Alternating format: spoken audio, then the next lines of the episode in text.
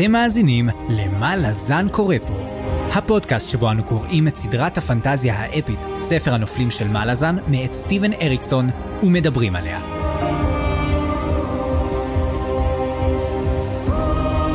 אני צפריר, ואני חיים.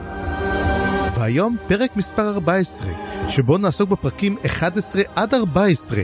נתחיל וגם נסיים את החלק השלישי שרשרת הכלבים בספר שערי בית המתים, הספר השני בסדרה.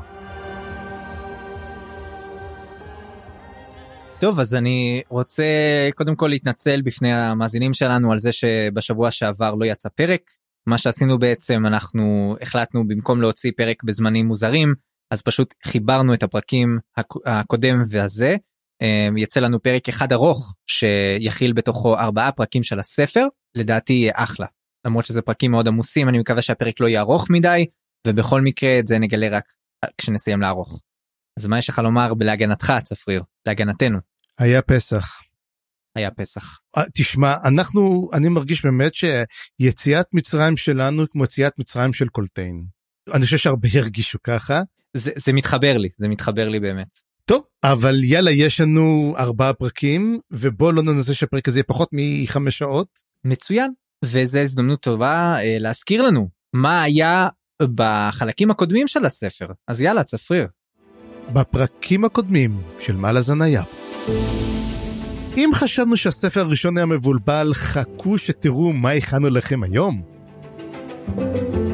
פליסין וחבורתה ניצלים סוף כל סוף מהכלא, אבל נראה שהם נופלים מהפח אל הפחד.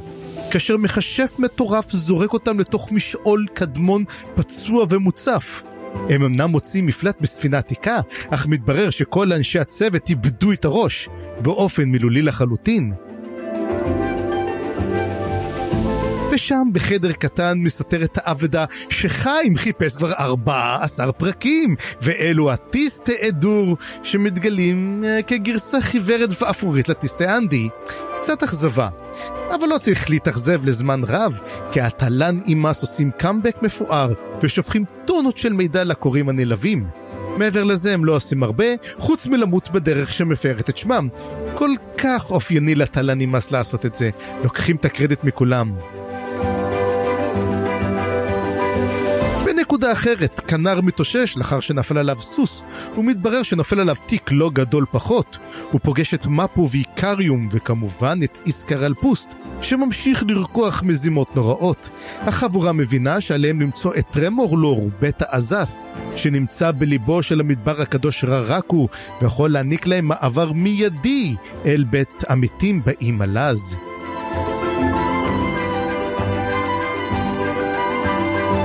כלם בינתיים מסתובב בשבע ערים יחד עם הפטוריאן ומטפל בפורעי חוק למיניהם.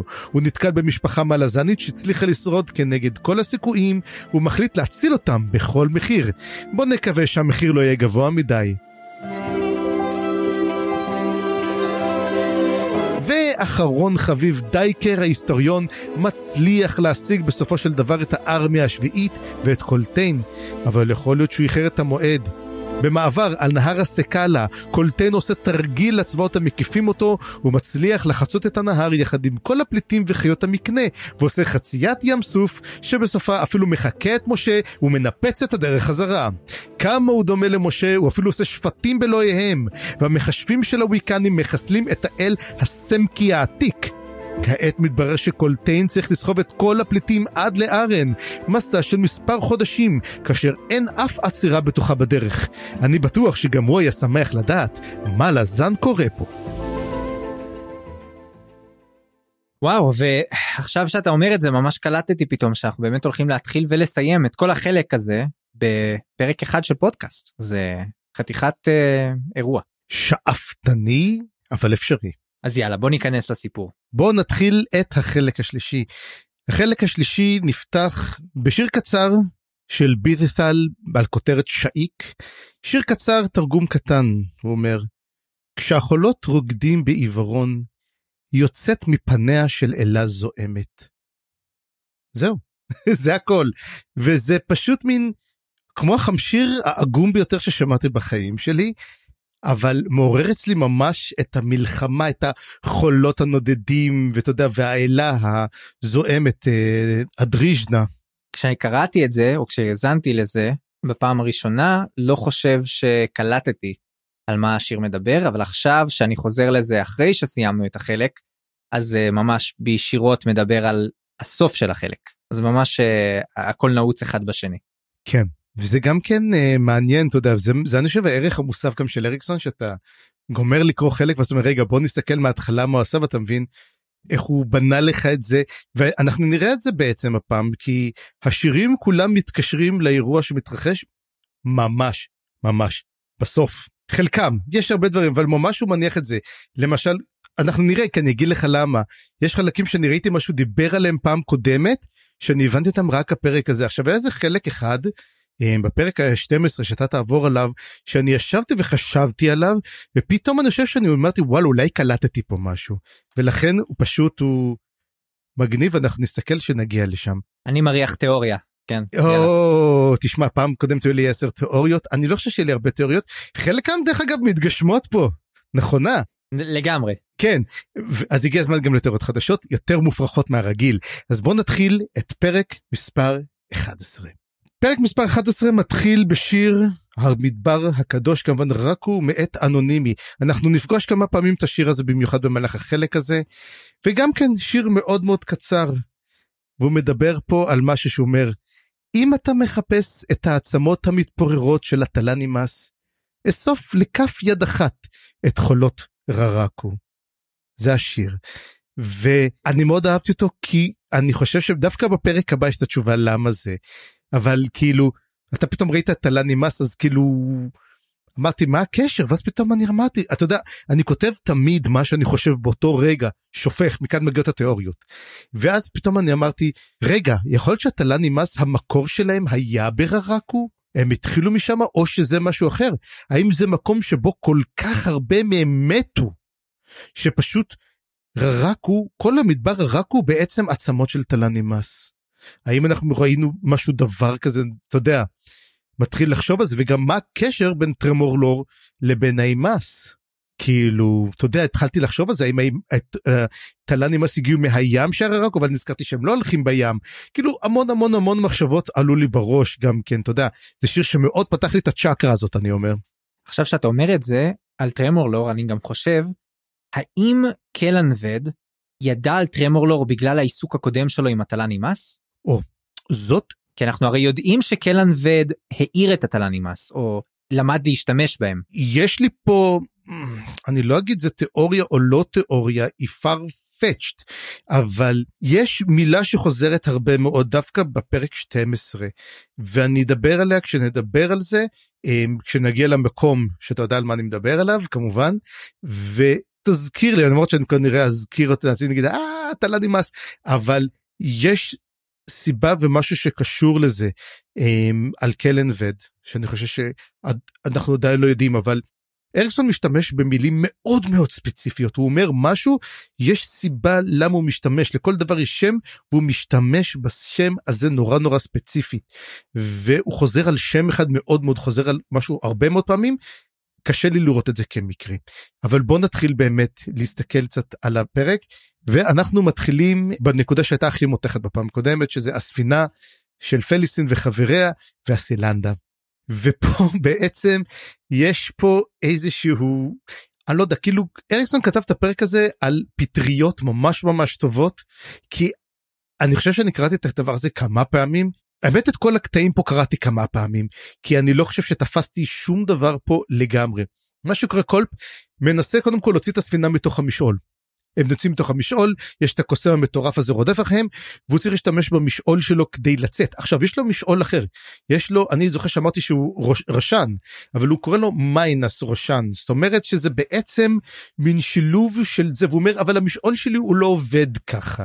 הוא לא משעול שהוא יכול ממש לפתוח דברים באוויר ולסגור אותם כמו שראינו את טאטרסל למשל עשתה את זה לגמרי בכיף.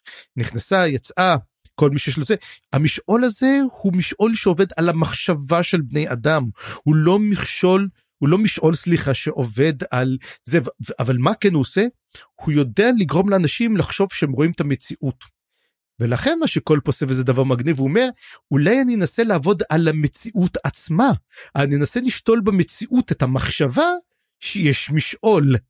ואז אני אעשה את זה. וברגע שהוא עושה את הדבר הזה, הוא מצליח, והוא פותח את הזה למשעול, והוא עובר דרך המשעול לספינה, למרות שזה משעול די דרק קטן כזה, אבל הוא מצליח להעביר את המשעול הזה, והם זורמים והם שמחים שהם הצליחו לברוח, אבל הם נכנסו למקום הרבה יותר גרוע, למה? שם מחכה להם וזאת פה השאלה שלי אליך, חיים, כי מגיע פה מין מתמודד חדש שלא ראינו אותו עד עכשיו, וזה מה שנקרא הדרקון הגדול המת.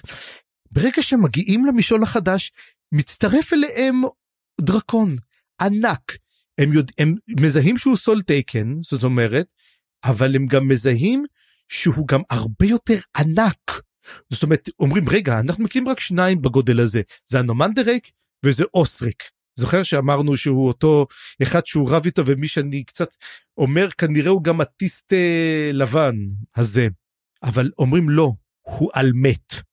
דרקון ענק על מת עם תצורת דרקונית עתיקה, ממש עתיקה, והוא הרבה יותר גדול. ובעצם מה שמתברר הוא שככל הנראה, לפי הבנתי, תגיד לי אם אני לא טועה או לא, כנראה אני טועה, לא היה לקלפ בעצם יכולת להשתלט על המציאות. הוא פשוט חיפש כל יצור שנמצא בסביבה שיכול לגרום לו לפתוח את המשעול הזה. כמו שבעצם ראינו שמשעול מתעלק. ופה אני חושב שהוא התעלק על הדרקון הזה. כי אחר כך גם אומרים שמרגישים שהם כמו פרפרושים על הדרקון הזה. הם פותחים משעול לדרקון כי אומרים מי הכי קרוב פה נמצא בעצם במשעול הזה הוא קלט את הדרקון ואמר קדימה אנחנו יוצאים לדרך ואז אמרו לו למה אנחנו מצפים? אז הוא אומר צפו לכל דבר אין לי מושג על מה נתפסתי אבל הוא נתפס בעצם על הדרקון הזה ודרכו הוא גלש למשעול של הדרקון הזה שזה די מין משעול כאוס כזה. ואז הם, הם ממש גולשים ולתוך הדבר הזה והדרקון הזה מחליט להיפטר מהם. ומה הוא עושה? הוא לוקח אותם ישר לתוך אש. להבות ומתחילות צרחות שם אה, כל השלושה מרינס שנמצאים שם לא ידוע מה קורה איתם סילנדה מתחילה לבעור בלהבות ומה שקורה עם השאר הם פשוט קופצים תופס בעצם בודן תופס את פליסין וזורק אותה מהסיפון תוך כדי שאנחנו גם לא יודעים מה קורה לה, להבוריק. שגם כן אה, חוטף בעצם את כל האש על הפרצוף שלו והוא נופל ובעצם כשהם נופלים הם נוחתים בעולם שלנו הם, נוחת, הם בעצם עוברים דרך משעול והם נוחתים בררקו. זה בעצם הייתה נקודה כזאת מאוד מאוד מוזרה במיוחד שמסתכלים שבודין יוצא הופך להיות ממש קיבל שיזוף יפה מהמשעול כאוס הזה או מה שקורה והוא הופך להיות ממש כמו מין שריון מתכת עליו. אה סליחה זו טעות שלי בוריק נופל איתם קלפ נעלם. זה קלפ שנעלם לו. אה, מה אתה אומר בעצם על הנקודה הזאת לפני שאני ממשיך הלאה? זה פשוט נקודה ארוכה. אה, זה נכון בעצם שהם תפסו טרמפ על הדרקון הזה? כי אני ישבתי קראתי את זה כמה פעמים ואמרתי או שהוא רימה את המציאות או שהוא רימה את הדרקון או שהוא מה, מה הוא עשה שם בעצם קלפ. הדרך שבה אני הבנתי את זה וזה דומה למה שהיה כתוב אחר כך ב... הסתכלתי בוויקי אה, מה הם כתבו על הפרק זה כן חיזק לי את העובדה שהדרקון כאילו השתמש בקלפ.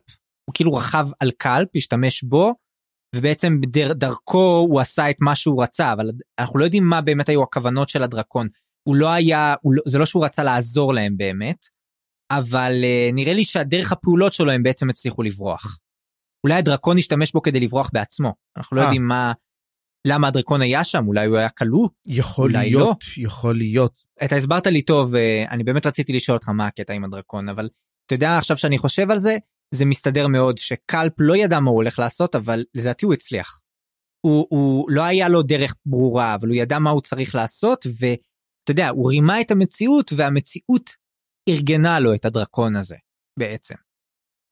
התוצאה לא הייתה ידועה מראש. כן, אני, אני הרגשתי שהוא מין תופס טרמפ על הדרקון הזה והדרקון הזה לא כל כך נהנה מזה הוא די uh, נפנף אותם ממנו ו... אבל מי אתה חושב שהדרקון הזה אז uh, הדבר שאתה אמרת ישר הקפיץ לי שאולי היה עוד דרקון מהחבר'ה של הנומנדר. אחד מהסולטייקנים שלו אולי היה עוד דרקון שנעלם. אממ, רגע אתה חושב שזה דרקון כמו סילנה דרקון אמיתי או שבעצם זה סולטייקן. סולטייקן, כתוב שהוא סולטייקן. כן, אז אם זה סולטייקן, אבל הוא, הוא, הוא מת, הוא גם ענק יותר מאנומנדר רייק, אז מה הוא בעצם? הם, הם לא מכירים אותו, זה לא, זה מין כאילו מישהו חדש, מצ... new player enter the game, אנחנו לא יודעים מי הוא, ויכולת, אבל גם כן מעניין שהוא היה כלוא בתוך אותו משעול, אה, בתוך, אה, איך זה, קורל דה מורלן, ואם הוא כלוא שמה, והוא לא יכול לצאת, למה הוא לא יכול לצאת? למה קוסם פשוט עם משעול... אה, זה... אוקיי, אוקיי, רגע. אני מרגיש אולי... תיאוריה, אני מרגיש תיאוריה. אני פשוט ממשיך את מה שאמרת. אם אנומנדר ריק הוא טיסטה אנדי, ואוסריק הוא טיסטה לבן, לבן. אז uh, זה הדרקון של הטיסטה אדור. זאת אומרת שזה טיסטה אדור קדום. יכול להיות. על מת. על מת. אבל איך אפשרי על מת? האלמתים היחידים שאנחנו מכירים זה רק תלן אימאס. יכול שתל... לא, לא, אנחנו נכיר עוד כמה. אה, כן, אה, כן. הרביעייה, כן, אבל אני... אוקיי, זה מעניין, כי זאת אומרת, יש אפשרות אחרת לעל מתים, אבל מעניין, מעניין. טוב, אנחנו נמשיך הלאה, בינתיים הדרקון נעלם, אנחנו לא נראה אותו במהלך כל הדבר, אני בטוח שיצוצו את זה חמישה ספרים ויגיד זה אני הייתי ונגיד אה טוב עכשיו אנחנו יודעים אה, כי זה מה שבדרך כלל הוא עושה. ועכשיו אחרי שהם נוחתים הם, הם מחפשים את קלפ ואחרי כמה הליכה קצת הם מוצאים את קלפ וקלפ עדיין חי ברוך השם. והוא מתעורר ואז הוא מבין כמה דברים על בודן ואנחנו מקבלים בעצם את ההסבר מי זה בודן וחיים אז הניחוש שלך היה טוב מאוד אבל איך אומרים את זה?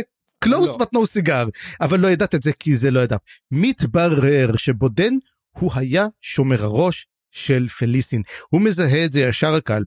הוא אומר כן הצמידו לך אותה ואנחנו מבינים שתבורה בעצם לא באה כל כך להעניש את אחותה היא באה לתת לה קצת מין זריקת מרץ ובודין היה אמור להוציא אותה נורא נורא מהר משם כאילו תוך יום יומיים פשוט לקחת אותה.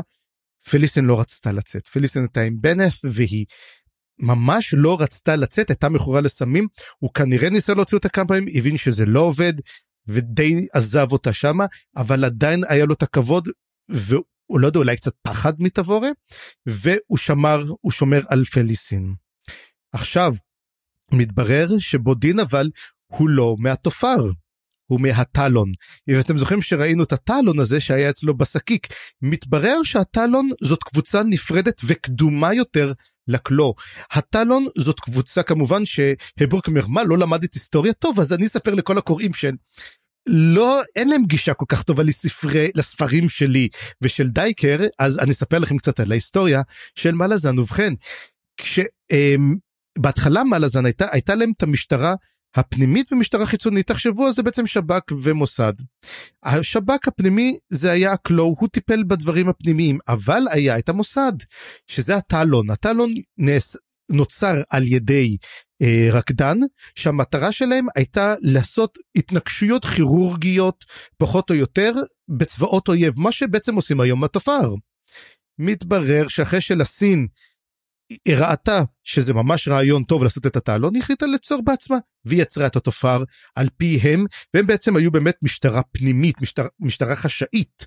אחרי שלסין תפסה את השלטון, היא החליטה להיפטר מכל הטלונים, הייתה מלחמה בין הקלול לבין הטלונים שהטלונים הפסידו בה, מעטים מאוד נשארו מסתתרים, מתברר גם כן שהתפקיד הזה עובר בירושה, כי אה, בודין לא היה מקורי, הוא בעצם אבא שלו היה, והוא ירש את התפקיד, ירש אותו בצורה יפה מאוד, ותבורה שכרה אותו אישית. בכוונה, לקחה מישהו שהוא לא מתוך המשטר המלזני אלא אפילו נגד המשטר המלזני אני חושב שהיא עשתה את זה בשביל שיהיה לדנייל כאילו זה לא אני הייתי אני לא שכרתי אותו אם הייתי רוצה לשמור על, על um, פיליסטין הייתי לוקחת קלו הייתי לוקחת כל דבר. חוץ מזה אנחנו גם שמים לב דרך אגב בהמשך שהמצב של הקלו של התופר ממש רע. ממש כמעט לא נשארו שם אנשים.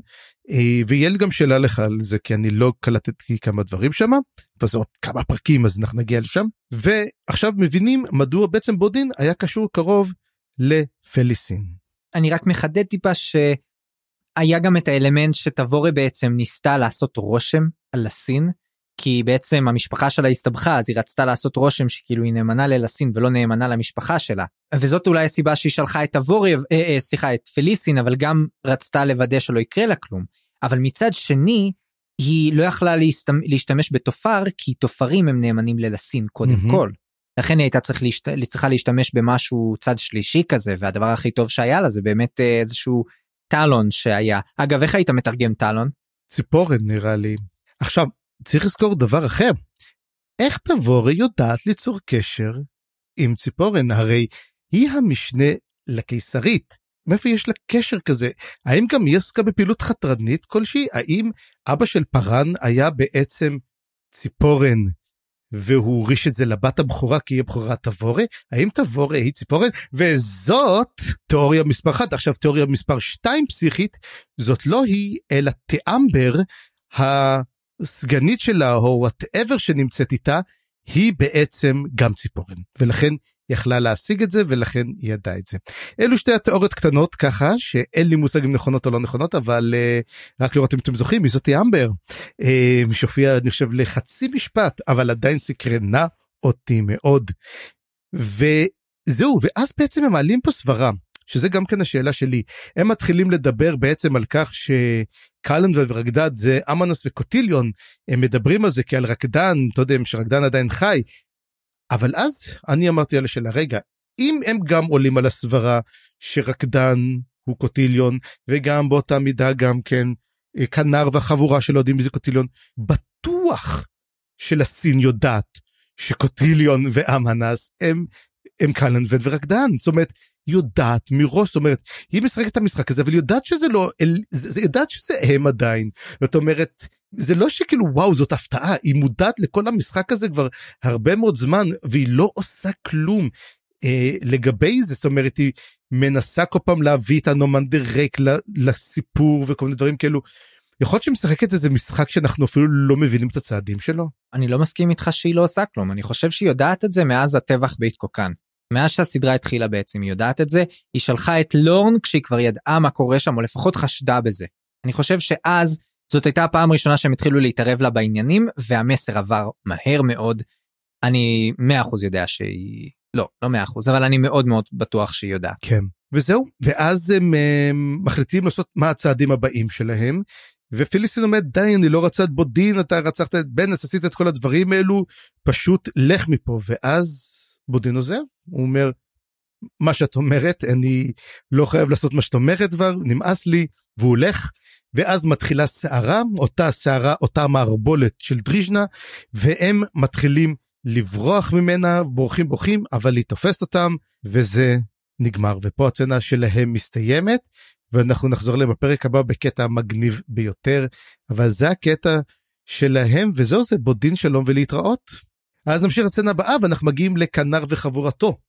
עכשיו, פה זה, זה צנה מאוד מאוד מעניינת, אמ, במיוחד כל המערכת היחסים בין כנר למאפו. אני הרגשתי ביניהם קרבה מאוד גדולה. אה, מפו מדבר עם כנר, הם מדברים ביחד ומפו נפתח בפני כנר ודי אומר לו את הכל. הם הם מתחילים הם, לדבר על מה שקורה ומפו אומר לו שאיסקר על פוסט מסוגל לקרוא את הקלפים מאוד מאוד במדויק. הוא אמר לו שייק מתה, הוא אומר להם על שרשרת הכלבים, הוא ממש יודע, הוא ממש נביא, הוא יודע לקרוא את הקלפים בצורה סופר מדויקת, אז כנראה אומר לו, אני, אני לא חושב שככה זה עובד. ואז הוא אומר לו, אין לי מושג איך זה עובד, אבל ככה זה קרה. וזה מאוד מאוד מעניין. Um, עוד דבר גם כן, כנר נזכר גם כן, לא זוכר למה הוא נזכר בדסה מול טור, הם מדברים על uh, המלחמה, הוא נזכר בדסה מול טור, ואז הוא נזכר שהוא היה חבר בכת של דה סמברי, שזה עוד פעם שם שחוזר אצלנו. עכשיו, אמרו שהוא היה אחד מהכהנים של הוד, אבל דה סמברי היה אל אחר. היה פעם העוזר של הוד, זה אנחנו יודעים, עד שהוא עזב אותו והפך להיות אל משל עצמו. אז מעניין קצת לראות את האמונה של אה, הוד, האם דה סמברי הוא לא אל לגמרי, אלא הוא מין אחד מהכתות של, הוא מין נשגב כזה, שאלה טובה. אה, והנה זה זמן להגיד, אני בדיוק קפץ פעם לספריה לראות את הספר בגני הירח, הסנדנס גם כן נשגבים, אז איי, עלינו, כל הכבוד לנו. עוד דבר אחד, הם מבינים בעצם את המטרה האמיתית פה, ואנחנו פותחים פה את כמו שאמרנו שצללים משחקים משחק הרבה יותר טוב מכולם ובזמן שכולם משחקים דמקה הם משחקים שחמט ואנחנו מבינים מה המטרה האמיתית עכשיו של קוטיליון של אמנס וגם של איסקר על פוסט והמטרה היא לשכנע את אפסלר להפוך להיות השאיק שנולדה מחדש. מתברר ששאיק תמיד הייתה צריכה למות, מה שעשו חרבות אדומות ולוסטר העיל וטנא ברלטה וכולם, בעצם שיחק לידיים של הנבואה ושיחק לידיהם של, הצ... שלהם. יש נבואה שאומרת שהשאיק תיוולד מחדש, היא תיוולד במישהי צעירה וראינו אותה בריקוד הזה שהם הסתכלו שהיה שם, שראינו את האישה. ופה זוכר שההימור הראשוני שלי היה בעצם שזאת תהיה פליסין בגלל שהיו לה את ה... זה. אבל גם כן יש לנו פה את אפסלר. ואפסלר היא גם הייתה כבולה אם אנחנו לוקחים את זה בצורה מטאפורית לקוטיליון היא הייתה עם שרשראות היא כבולה. האם מה שהם ראו בעצם זו את אפסלר או את פיליסין? ועכשיו עוד דבר אחד שהוא קשה להבנה ומה? אנחנו אומרים שהן דומות שהשאיק שתיוולד מחדש דומה לשאיק הקודמת. ומה שאנחנו יודעים על השאיק הקודמת זה שהיה לה שיער שחור. מה שדי עונה על שני הצירופים שזה לא עוזר לנו בגרוש. זאת אומרת מנקודה אחת עברנו לשניים. ואז הם מגיעים למטה. אבל לפני שהם מגיעים למטה מה פה מדבר על משהו שיחזור על עצמו גם כן עוד פעם יותר בהמשך והוא מדבר על המאחזים. המאחזים זה משהו חדש אומר שלמטה בעצם איפה שהשער התחתון מה שאנחנו לא יודעים אם זה השער לנתיב הידיים או שהוא השער שמוביל לקורל אמורלן או כל מקום אחר יש בו עריכים גדולים מאוד שהם כל פעם משתנים בצורות של כמו הפריסות של הקלפים. הם זזים מעצמם לפי האסטרולוגיה המקומית הם מדברים על כוחות הרבה יותר קדומים הרבה יותר פרימיטיביים. אנחנו נקבל על זה דרך אגב הרבה הסבר הרבה יותר טוב באחד הפרקים היותר המשכים ואני הרבה יותר אתה יודע אני אהבתי את זה שמדברים רגע מי נמצא שם ומי נמצא פה ואיפה הוא? זה היה ממש ממש ממש מגניב. ואז הם מתחילים לדבר גם על משני צורה. זה ממש פרק מלא בממש אינפו דאמס אבל זה נחמד כי מדברים. ואומרים שהם היו ממש ממש קדומים. הם אפילו קדומים יותר מהגזעים המייסדים. ופה הייתה לי בעיה עם זה מאוד מאוד קשה כי יש לי תיאוריה לגבי משנה צורה ודי הולכת בניגוד לזה אז כמו שחוקר טוב באוניברסיטה נושא אני פשוט מתעלם מהעובדה הזאת לעת עתה ואני לא אכניס אותה לתזה שלי אבל אני כן אקח עובדות אחרות יותר מעניינות שהן כן תומכות בה. הם אבל מבינים שהמטרה היא להקים אימפריה של משני צורה. כי כל משני הצורה שהם רואים אחד את השני הם שונאים נורא אחד את השני הם רוצים להרוג אחד את השני אנחנו נראה שממש אין להם שליטה על הדבר הזה הם אשכרה שונאים אחד את השני המטרה היא שאחד מהם יעבור בנתיב הידיים ומי שיזכה יקים אימפריה עליהם. שלפי מה שאני מבין גם כן זה משהו שלא קרה אף פעם. זה מין מאורע מאוד מאוד נדיר שקורה גם במקום מקום הזה. ומה שכן מעניין אני אהבתי את זה אם אתה זוכר שהיה את הצבע האדום שראו שאומרים שאיסקרל פוסט עושה את כל מה שכאן כדי להסיט אותם משם את משנה צורה ומבינים שבעצם זה הוא באמת שהסתובב במדבר ומפנה אותם לכל מיני מקומות אחרים העיקר להתרחק מהמקדש הזה. אז לפני שאנחנו ניתקל בהיתקלות האחרונה של קרוקוס ועם כל החבר'ה מה, מה יש לך לומר על זה? כן רק רוצה להוסיף לתוך הסיפור את מאפו ואיקריום שהם גם מתחברים פה לתוכנית בעצם וזאת הסיבה שפוסט הביא אותם. כי הוא משתמש בעצם באיקריום בשביל uh, להעיף את הדיברסים והסולטייקנים uh, מהאזור. הוא משתמש בו כסוג של מגן כזה. כן אנחנו גם רואים שבאמת הם נרתעים ממנו מאוד זאת אומרת הם ממש לא הם רואים אותו הם רק שומעים את השם שלו והם בורחים. הם יכול להיות מכיוון שהם קדומים הם יודעים טוב מאוד מה האיקריום הזה מסוגל לעשות. אבל גם יש לי תיאוריה לעניין הזה ונגיע yeah. אליה בפרקים הבאים. אה אוקיי עם איקריום גם כן יש לנו הרבה מה לדבר על איקריום בהמשך. ואנחנו מגיעים שהם מגיעים למטה וקרוקוס לוקח כמה דרגות בבד אס הוא פשוט תופס את איסקר על פוסט מרים אותו באוויר איזה כזה מטר מהאוויר ודופק אותו על הקיר. ומאוד מאוד מפחדים דווקא על קוקוס אומרים הוא יכול אשכרה להרוג אותו איסקר על פוסט אבל הוא לא עושה את זה. ואז מה קרה? אז הוא אומר, הנה הוא מנסה, הוא אומר באמת, הנה הוא אמר לשאיק, אולי תהיי בעצם שאיק, זה יעזור להיפטר מהאימפריה, זה, את תוכלי לעשות דברים טובים. ואז איקריום הוא בא ואומר, אני ראיתי את המשרת עוזב את המקדש ויוצא אל המדבר. ואז הוא אומר, למה זה? ואז איקריום אומר, אני מאמין שהמשרת, צפריר צדק. כן, הוא אבא של אפסלר. והאמת זה די ברור, חשפו את זה די מוקדם, אתה יודע, סוף סוף יש לי תיאוריה חשבתי אולי זה מין משהו מפתיע שסוף ספר, הוא חשף את זה איזה שלושה ארבעה פרקים אחרי. אז כאילו, תודה באמת שחיכית, לפחות אה, זאב שעשית את זה. ואז באמת הוא אומר, הוא רודף והיא יוצאת אחרי המקדש לרדוף אחריו, היא יוצאת. ואז בעצם איקריום נותן את הבונוס הזה שאנחנו נראה אותו גם יותר מאוחר שמתחילים לעלות עליו. מה המטרה האמיתית של אמנס וקוטיליון? והמטרה היא לחזור ולהשתלט מחדש על האימפריה ולשלוט בה.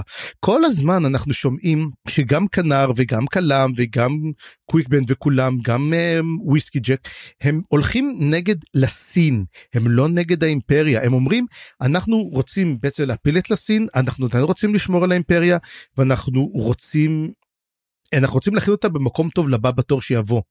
ויש הרבה הרבה אנשים שיכולים לתפוס מקום אם זה דוז'ק שהוא אחד מהאנשים המתאימים ביותר או נראה לי שכולם הם מתכננים שדוז'ק יתפוס את המקום שלו בראשות האימפריה. אבל אז מבינים שאפסלר היא כבר כלי של הצללים היא שמרה על חלק מהמונה של הצללים לא ידעו כמה נשאר בתוכה ולא, וגם כן קוטיליון אמר אני לעולם לא הולך לחזור אליה אבל אמר את זה קוטיליון. אמנס לעומת זאת מעולם לא נשבע את זה. ולכן אומר איקריום אם היא תשתלט ותהפוך להיות שאיק היא תוכל לנצח היא תוכל לקחת את הכוחות לכבוש את האימפריה ולשים את עצמה כקיסרית החדשה אבל מי שישלוט בתוך אה, אפסלר זה יהיה אמנס ואמנס למעשה מתכנן כנראה לחזור ולהשתלט על האימפריה שלו. אבל זאת שאלה שאני אומר, הבן אדם כבר אל, מה מעניין אותו לחזור ולהשתלט על האימפריה? זאת אימפריה של בני תמותה. מה הוא, למה הוא עושה את זה? עיקר אם צודק, טועה? אני לא בטוח שהרעיון פה זה שאמנס ישתלט יותר מכמו אמנס יתנקש בלסין. ואני חושב שחלק מהסיבה שהם בעצם שחררו אותה זה בעצם שהם לא יהיו מחוברים אליה כי אם הם יהיו מחוברים אליה לסין ישר תדע במי מדובר. אבל עכשיו שהם כאילו יצרו מין leverage איזה מין אה, יכולת לשלוט בה בלי לי באמת לשלוט בה עם כל הקטע עם אבא שלה והקטע עכשיו שהם נותנים לה מין מכניסים לה רעיונות של להתחבר לשאיק או לדריג'נה אז כל הסיפור הזה בעצם נועד לשלוט בה בלי לשלוט בה ישירות ובעקיפין לגרום לה בעצם להרוג את לסין. כן בוא נגיד אה, תחבולת צללים אה, פר אקסלנס וכן הם מחליטים לצאת אחרי אפסלם ואז איקריום אומר אני מרגיש שאני מתקרב לגלות מי אני ומה פה מאוד מאוד חושש מזה ואנחנו עוברים לצנה הבאה. ובצנה הבאה אנחנו מגיעים לכלם שהוא מחפש לעבור דרך לארן אבל הוא מגלה שכל הדרכים חסומות על ידי השבטים הגדולים של קורבולודום קורבולודום שם נמצא והוא לא יודע איך לעבור ואז הוא אומר טוב אין לי כל כך הרבה ברירה אני חייב להשתמש באס בשרוול שלי. הוא אמר זה הדבר שקוויגבן נתן לי שיכול להעביר אותי. הוא אמר להשתמש בזה רק כשאני מגיע לאונטה אבל אני צריך להשתמש בזה עכשיו. ולמה הוא עושה את זה? הוא עושה את זה כי בדיוק הוא מחפש ומסתכל והוא רואה שהאנשי שבע ערים עשו את אחד העונשים הכי נוראים שהם עשו הם לקחו 1300 ילדים והם שיפדו אותם מיטות, מיטות החלקה הם פשוט שיפדו 1300 ילדים למען יראו וייראו.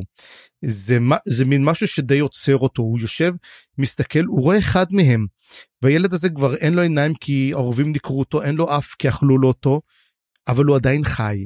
הוא רואה ואומר אני יכול להציל את הילד הזה? כאילו חי והוא אומר ופה יש לו באמת מין שאלה על עצמו שהוא מתחיל לשאול את עצמו אני באמת אה, יכול לעשות את זה? מה הטעם בהכל? בעצם אני לא מסוגל להציל את כולם הוא עכשיו מנסה להציל את כל המשפחה של קנב אבל הוא לא יכול להציל אותם גם איך הוא יסחוב אותו? הוא גם לא ייתן לו לעשות ויש לו גם את המשימה הגדולה להתנקש בלסין אבל הוא כן מבין שהוא ישתמש באס בשרוול למרות שהוא יכול דרך אגב היה לברוח מהם לעזוב אותם ושיהיה להם בהצלחה. אבל הוא כן מחליט לקחת אותם וזאת אבן. זאת אבן קטנה אז מינה אומרת לו מה זאת האבן הקטנה הזאת? הוא אומר אה זה בעצם החפץ הקסום הגדול. היא אומרת לו מה זה לא יהיה על כתר או איזה אבן חן? אומר לה אל תאמיני לכל הסיפורים כאילו כן עושים את זה אבל מה הדבר הכי טוב? אם רואים אצלך אבן לא יגנבו לך את האבן אף אחד לא יגנוב את הדבר השטותי ממך.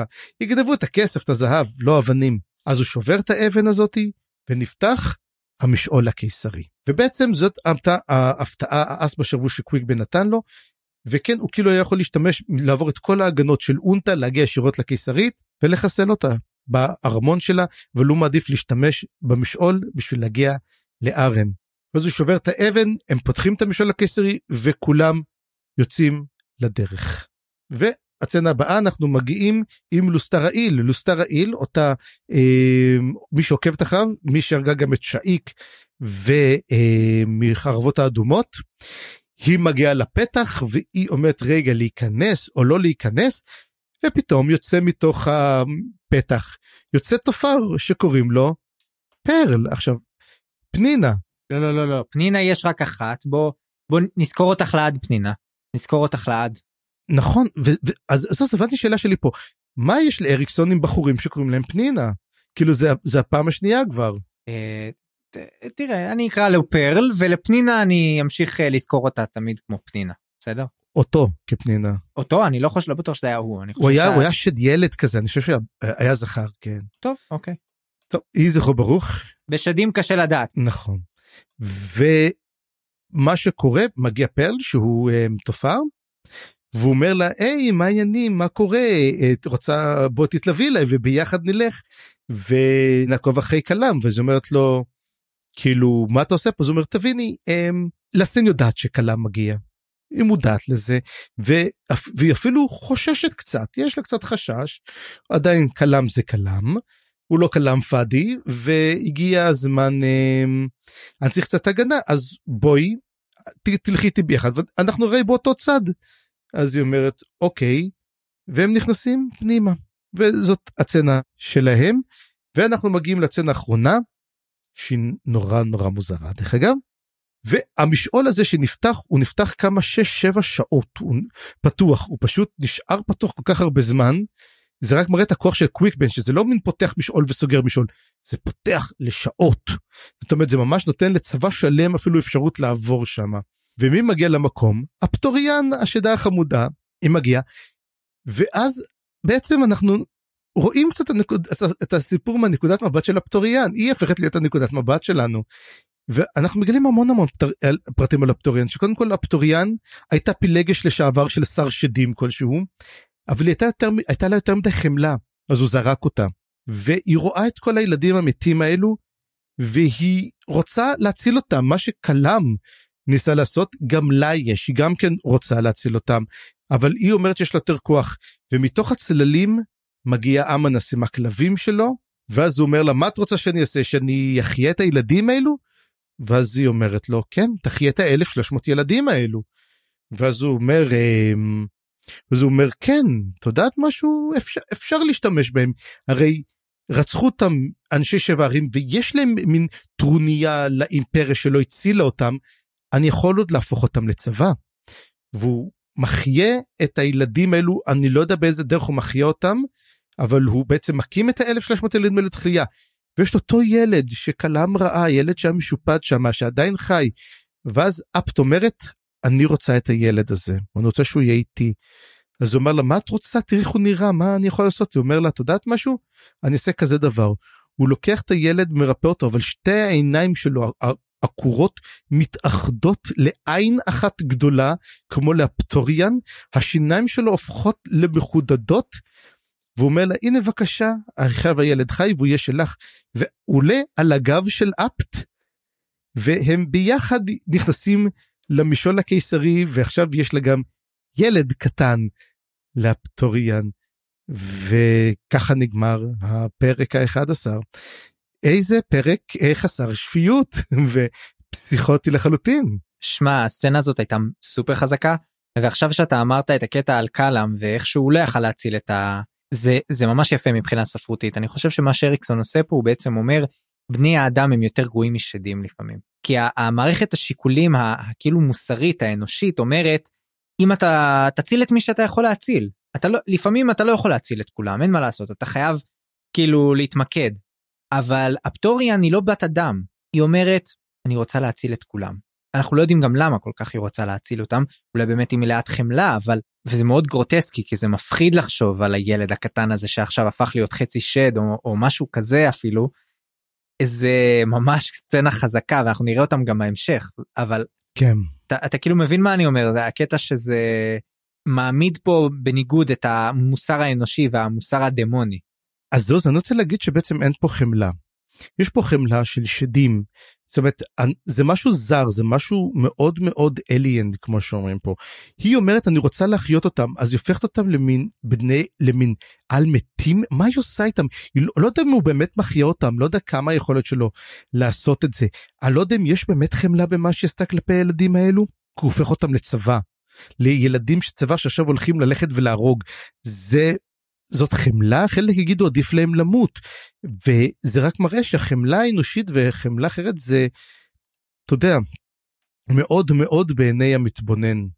אז אה, זה גם מעניין לראות את זה אתה יודע שבאמת אומר אומר אני חושב ששניהם מביעים חמלה גם כלם אומר כן הילד הזה ימות בקרוב עדיף לו עדיף לו מאשר לחיות בלי עיניים בלי אף עם, עם כאבים זה לא חיים בשבילו. והיא אומרת אני יכולה לעשות לו חיים מעוותים, אבל הוא יחיה, וזה המוסר שלה, שניהם מאוד חומלים על הילד, כל אחד לפי הכוחות שלו ולפי אמות המוסר שלו. אוקיי, okay, אז uh, בנימה אופטימית זאת, נסיים את הפרק ונעבור לפרק הבא, פרק 12, והפרק 12 הוא גם פרק מאוד ארוך וקוראים בו המון המון דברים ונתחיל באמת מקטע והקטע הזה הוא גם uh, סוג של פואמה אני חושב שחזרנו לפואמות בחלק הזה של הספר. מאוד וזה מראה לנו איך פתאום אנחנו מגיעים למשהו מיסטי משהו כזה אתה יודע זה כבר לא היסטוריה זה כבר נכנסנו למיתוס כבר המיתוס מאחורי ההיסטוריה. כן. השיר הזה באמת ממשיך קצת את השיר על הטלה נמאס שראינו מקודם הוא קצת אה, מזכיר אותו מאוד. כי הוא בעצם מדבר על הזמן שעבר על המדבר ומה מרכיב את המדבר הזה. ואני חושב שזה מאוד מעניין, כי אני חושב שחלק מהשיר הוא ציורי. הוא כאילו מתאר בצורה ציורית משהו מאוד גיאולוגי, מאוד פשוט. אז כתוב שם שררקו פעם היה ים, והיא עמדה ברוח. אולי מדובר על דריז'נה, אולי לא. On a pride of aspire, and saw ancient fleets, ships of bone, sails of bleached hair, charging the crest to where the waters slipped beneath the sands of the desert to come. ואני חושב שזה תיאור ציורי, אני לא חושב שבאמת היו שם ספינות. אני חושב שמה שמדובר פה זה שבעצם העצמות של הטלה נמאס מרכיבות את האדמה, כמו שאמרת מקודם. הספינות של העצם, מפרשי השיער זה בעצם ההרכב של הגופות של הטלנימאסים. וזה תיאור מאוד מאוד מפחיד, כי בעצם מדובר על הים הקדמון הזה, שכבר הזכרנו אותו כמה פעמים, שהופך להיות לאט לאט מדבר. אבל בעצם מה שהוא מכסה זה את כל ההיסטוריה הזאת, שאנחנו מתחילים לחשוף אותה לאט לאט, וזה באמת קשור מאוד לפרקים הקרובים. אני אתן פה משהו ופתאום אני רואה את השיר ואתה דיברת על זה ופתחת לי צ'קה. לעוד תיאוריה מעניינת. אני חושב שמה אם אלו היו ספינות אמיתיות? מה אם מי שאנחנו רואים פה שעומדת ומסתכלת זאת למעשה הטלנימאס הגדולה לוגרוס אנחנו לא יודעים שלוגרוס אם הוא גבר או אישה אנחנו יודעים שיש שני איש לוגרוס ויש את קרון. מה אם הקרון אמרו שהם נעלמו הרי הקרון, מה אם הם בעצם ידעו שמשהו הולך לקרות בררקו, ולכן הם הטביעו ספינות כבר לפני מאות אלפי שנים, הטביעו ספינות בתוך המדבר, בתוך החולות של הים, כי ברגע שהוא יהיה מדבר הם יוכלו שוב לצאת החוצה. אז אנחנו, יכול להיות שאנחנו נחכה לסוף ה... כמו שהוא אומר גם כן, אתה רוצה לדעת מה, איפה אתה לא נמאס? תיגע בחולות של ררקו. כל ררק הוא בעצם זה, זה שבטים ענקיים של תלן אימאס שרק מחכים לצאת משם ועכשיו שהם ידעו שהמדבר יעל, שהים ייעלם ועכשיו יש מדבר הרי צריך לצפות כל רגע לשובם של ה... ותזכור גם כן, מה אמרו שהשלב הבא? אמרו זה השנה שהקרון מגיע, זה, הש... זה השנה של ההתאספות, הקרון אמורים להגיע. מה אם זה הקרון שם מתחת למדבר? מעניין בוא בוא נשמור את זה כי אנחנו נראה קצת בהמשך כמה דברים שמתחת למדבר Mm-hmm. ונאמת את זה אוקיי. אז בוא נתחיל את הפרק ואנחנו מתחילים אותו עם דייקר שעזבנו אותו לא, לא נגענו בו כמעט בפרק הקודם בכלל לא. ודייקר אני אקדים ואומר קודם כל שוב אנחנו עוסקים כמובן בצבא של קולטיין ובכל מה שהולך לקרות המערכה הגדולה שרשרת הכלבים האפונימית ש- שעל שמה קרוי החלק הזה של הספר. כל הדבר הזה מסביב לדייקר ודייקר למרות שאנחנו מתחילים את הפרק במצב מאוד עגום שלו אני חייב לציין שהוא בפרקים הקרובים הופך להיות הדמות האהובה עליי בספר. ואני לא רוצה להיכנס לכל מה שקורה כי באמת קורים פה המון דברים אבל אני אתן מין סקירה כללית אז הסקירה הכללית היא יש פה בעצם תיאור של כל הצבא הזה של קולטיין אה, ממה הוא מורכב איך הוא בנוי איך הוא חונה ממש כזה תיאור אה, אפילו די תנכי של המחנה של קולטיין. ואני רק אציין שאני עשיתי מין כזה קטע צפרירי קצת והלכתי וחישבתי כמה מספרים בדקתי שם את כל הפרטים. מהחישובים שערכתי מדובר בערך בין 10,000 ל-15,000 חיילים אפשר בטח להגיע למספר טיפה מדויק אבל אבל הטקסט לא הכי מדויק בעצמו ומדובר על בערך 50,000 פליטים. זאת אומרת יש לנו בעצם כוח יחסית קטן שצריך לשמור על מספר עצום של אנשים וכל העת הזאת מתקיפים אותם. מי שמתקיף אותם זה השבטים הטיטנסי, כן טיטנסי? טיתנסים. כן השבטים האלה בעצם תוקפים אותם כל הזמן בסוג של אה, סוג של לחימה שקשה מאוד אה, להתגונן מפניה הם כאילו כמו צובטים אותם כזה עוקצים אותם מאחורה. לא באיזשהו קרב פנים אל פנים אלא ממש מעצבנים אותם וכמו אה, מלחמת לוחמת גרילה כזאת. וכל הדבר הזה כמובן שהשרשרת הכלבים של קולטיין מתקדמת לכיוון מאוד ברור כל האויבים שלו יודעים לאן הוא מתקדם עכשיו, הוא יודע, הם יודעים באיזה מסלול הוא ייקח, כי הם יודעים שאין לו, לו לאן להתקדם אלא לארן. זאת אומרת, המהלך האסטרטגי פה יהיה לו נורא קשה להגן על כל הדבר הזה. ובעצם הלחימה הבאה שהולכת לקרות, זה הולך להיות אה, קרב גדול מאוד על נהר, שמתקדמים לכיוונו, שבעצם הוא חייב יהיה לחצות אותו, וכמו הנהר הקודם שהיה שם בעצם בלאגן, גם הנהר הבא הולך להיות בלאגן, וכל הסיפור פה הולך להיות עכשיו איך קולטיין מצליח לשמור על כל הדבר הזה ולא, ולא להפסיד בקרבות האלה מבחינה אסטרטגית. ודייקר מתאר את המצב גם של המורל של, ה, של הצבא והמצב הפיזי שלהם שהוא מאוד מאוד קשה. קודם כל אין להם אוכל ואין להם מים. הם נאלצים ממש לשחוט כל הזמן את, ה, את העדרים האלה שהיה להם בהתחלה של כל הצאן והבקר ומה שהם עושים בעצם בשביל לחסוך באוכל הם מכינים מרק דם וזה בעצם גם מה שמזין אותם ואין להם אפילו מים ובאמת מצב גרוע על הפרצוף ודייקר במצב על הפרצוף הוא כל הזמן הוא עובר בין הכוחות השונים ומדבר איתם והוא כאילו כמו מין אה, יצור כזה ש, שהם כבר כולם מכירים אותו אבל הוא בעצם לא, אין לו מה לעשות אין לו מה לעזור והוא רק שוקע בהרהורים ודיכאונות ומחשבות רעות. הוא ממש הופך להיות הכרוז של הוד פה הוא אומר הבן אדם היחיד שהיצור היחיד שמרוויח מכל הסיפור פה זה הוד והוא צוחק עלינו בעצם על כולנו מלמעלה ואתה יודע הוא הכי הזכיר לי פה את הטלה נמאס מהספר הראשון את טול כאילו הגיגים שלו פה הפיוטיליטי ממש הופך להיות הרפריין החוזר של דייקר. זה האמת הוא הוא רואה את המציאות נכוחה. אמ, הוא הבן אדם שאתה יודע בעולם של מלאזון כל אחד הגיע בסופו של דבר למחשבה שהכל אין פה טעם וגם קצת החיילים גם אומרים אנחנו לא בטוחים שיש באמת טעם במה שאנחנו עושים הם מין נעים מתוך אינרציה ומתוך אני חושב הפחד שלהם מקולטיין.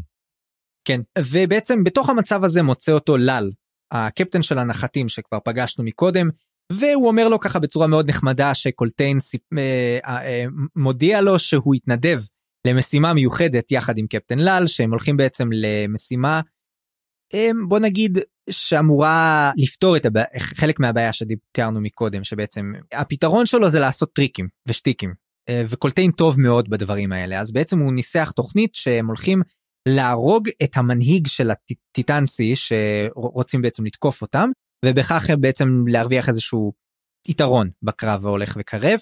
ולמשימה הזאת באמת שולחים את לאל ואת, אה, ואת דייקר מכל האנשים ועוד כמה טיפוסים שאנחנו נקרא עליהם בהמשך אבל כל הקטע הזה היה לי מאוד משעשע קודם כל ההתנודבת הזה שאומרים לדייקר אבל דבר שני למה הוא רוצה את דייקר שם בהתחלה זה נראה מאוד מוזר אבל אנחנו נראה עוד מעט בהמשך הפרק למה בעצם.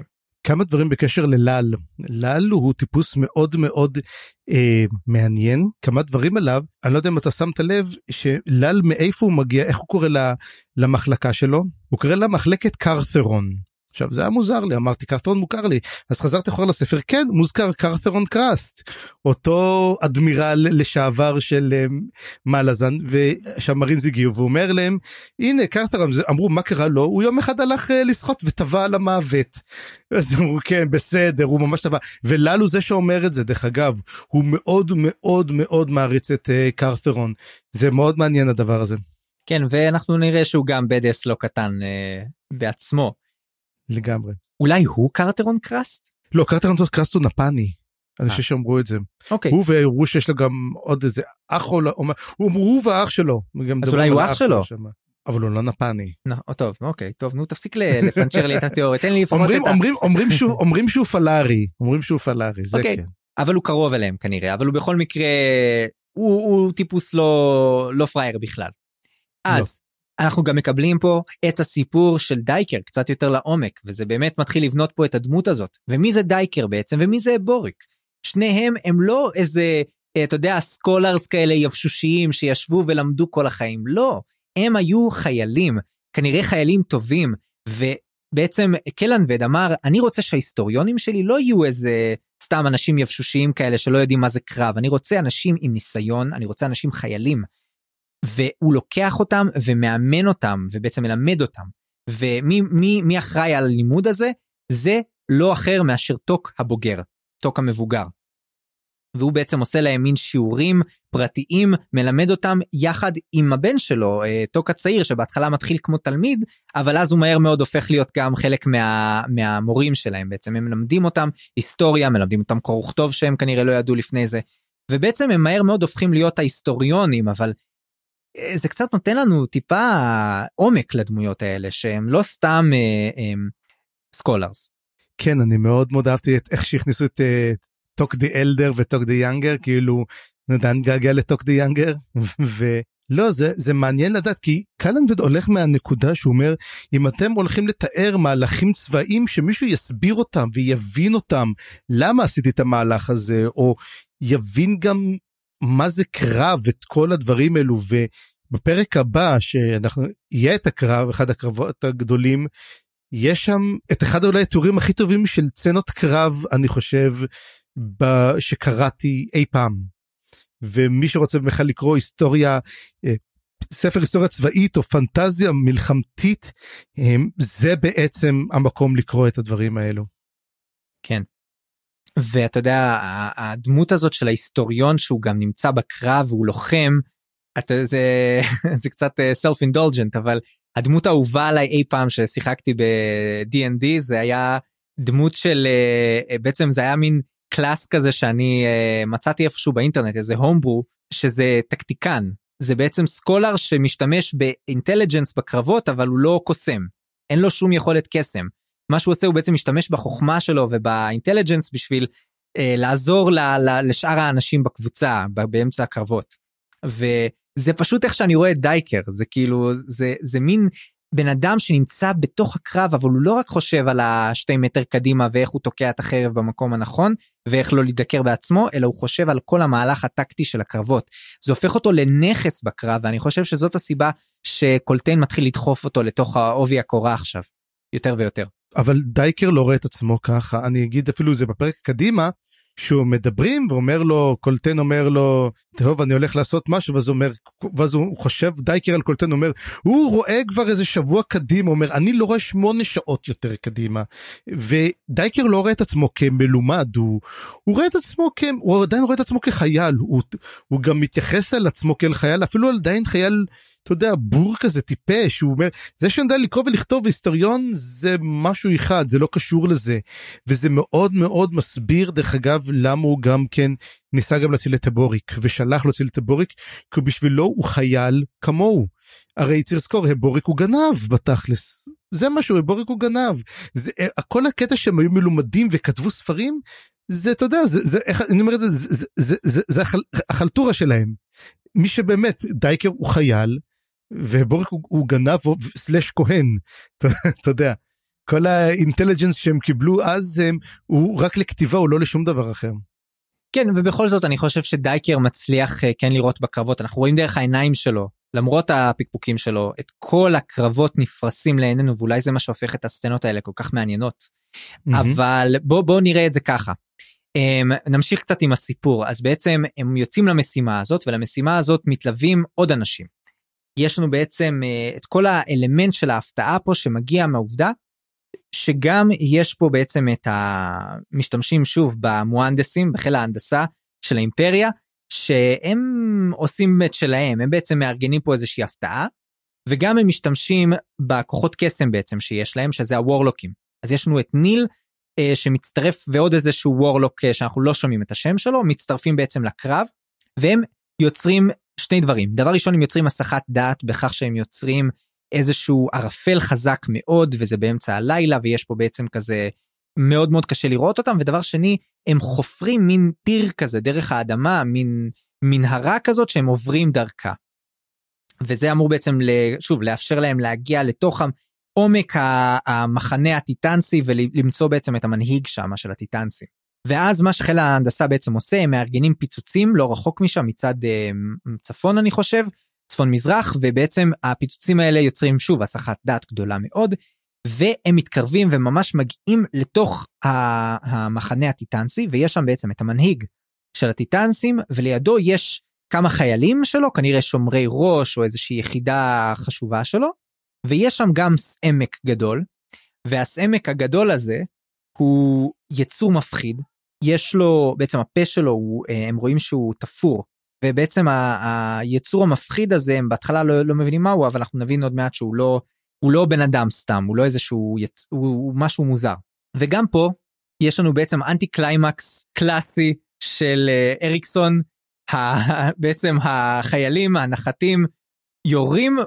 במנהיג הטיטנסי והורגים אותו די מהר זאת אומרת ואפילו את החיילים שלידו אבל לא את כולם. וזהו כאילו המשימה נגמרה לא הכל אה, זה מה שהיינו באנו לעשות הרגנו אותו והלכנו לא. לא בדיוק קודם כל יש פה עוד חיילים אה, שהם צריכים להרוג אותם אבל גם יש את הסעמק הגדול שמתחיל לעשות בהם שמות. אה, הוא מתחיל בעצם להילחם וכמה שהם לא יורים עליו וכמה שהם לא מנסים להרוג אותו הם לא מצליחים הדבר הזה חזק מדי כנראה בלתי פגיע אי אפשר להרוג אותו. פה בעצם הניל שהוא אחד הוורלוקים אה, משתמש באיזשהו אה, כוח שהיה לו לזמן איזושהי רוח אדמה שתלך ותטפל בחיילים וגם בסמק הזה. אז בחיילים היא מצליחה לטפל לא רע אבל כשמגיעה לסמק הוא מעיף את הרוח הזאת הוא הורג אותה לא יודע מה הוא עושה לה ובשלב הזה ניל מאבד את ההכרה. אנחנו לא מבינים בדיוק למה בהמשך נבין קצת יותר אבל בעצם ניל מאבד את ההכרה והם מבינים שהם צריכים עכשיו ללכת הם לא יכולים להילחם בסמק. אז איזושהי חיילת מהנחתים. איך אומרים? נחתת? אפשר לומר נחתת. נחתת נראה לי זה הספינה נקרא לה נחתית? חיילת מהנחתים. נחתית. חיילת מהנחתים נראה לי זה באמת יותר נכון אבל זה קצת צולע קצת עילג. אוקיי אז החיילת הזאת מהנחתים בעצם לוקחת את ניל ורוצה לה, אה, להביא אותו בחזרה למחנה לסגת יחד איתו. וכבר שמה כשמתחילים לסגת אז דייקר סוף סוף מקבל את ה, קצת את הזרקור ובעצם אנחנו קולטים שהבן אדם לא שכח להשתמש, איך להשתמש בחרב שלו. הוא לא סתם אה, חוגר חרב הוא שולף את החרב הזאת ומתחיל להתגונן ולהגן על, ה, על ה, בעצם הנסיגה הזאת. והוא הורג שמה אה, כמה מהחיילים בצורה מאוד מאוד מרשימה. אפילו החיילת הזאת מסתכלת עליו ככה מהצד וזה כנראה ככה משעשע אותה ואפילו אולי מדליק אותה אז היא מחייכת אליו ואנחנו עוד נשמע מהחיילת הזאת בהמשך. וזהו אז בעצם יש פה סוף סוף אנחנו רואים את, ה, את הקטע הזה זה היה לי ממש מגניב הסצנה הזאת. מה חשבת על הסצנה הזאת? מאוד אהבתי אותה. היא גם משהו מאוד מעניין בה. קודם כל אותו סמקי כזה גם כן הוא לא לבוש יש לו רק המון המון חגורות על הבטן. אנחנו נזמין גם כן מדוע יש לו המון המון חגורות על הבטן אבל היה שם צנע, צנע שהם התחפרו בתוך האדמה, שניל והבחור האחר פותחים להם, הם בעצם פותחים להם כמו מין משעול כזה, הם חופרים להם באדמה, והם צריכים ללכת מתחת לאדמה ולצלול, וכשהם צוללים יש שם גם מים, והם צריכים לעבור דרך מים, וזה מין, תשמע, יש לי קצת קלסטרופוביה. זה עשה לי קלסטרופוביה הקטע הזה שהוא נמצא שם והוא לא מסוגל גם הוא קלסטרופוב דרך אגב דייקר יש לו קלסטרופוביה. והוא כל כך מתאר את זה נכון שהוא מנסה והוא אומר אני לא מסוגל להתקדם עוד ואז זה שמאחוריו נשאר שזה לל הוא דוקר אותו עם החרב ברגל שיתקדם כי דייקר לא מסוגל להתקדם. ואז הוא, הוא נושם ואז הוא אומר מה קורה? ומה זה הרעש הזה? ואז הוא שומע את הרעש וזה מים. ואז הוא אומר ואז הוא שומע צעקות הוא אומר אז הם טובעים שם בעצם זה לא מצליח אתה יודע זה לאט וזה צנע מאוד קשה מי שקלסטרופוב זה צנע נורא קשה לקרוא אותה והוא ממש אתה יודע שהוא יוצא שם החוצה ויש את הקרבות האלו אבל למעשה אני אה, כל הצצנה הזאת כל המתקפה הזאת שנועדה בעצם לחסל את אותו שר צבא מצביא טיסנתי מצוין היא נכשלת. זוכר שאמרתי לך אני מחכה ליום שבו אה, קולטן ייכשל וזה הכישלון שלו הוא בעצם לא מצליח לחסל אותו.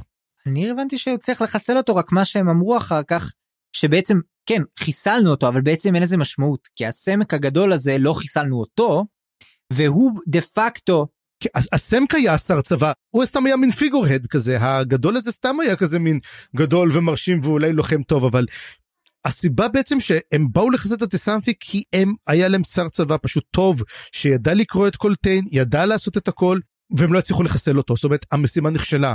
הם גם נהרגו להם חיילים גם הלכה להם תחמושת של, ה, של הספרס והם יצאו אתה יודע חיסלו כמה חיילים בסדר אבל המשימה נכשלה. כן.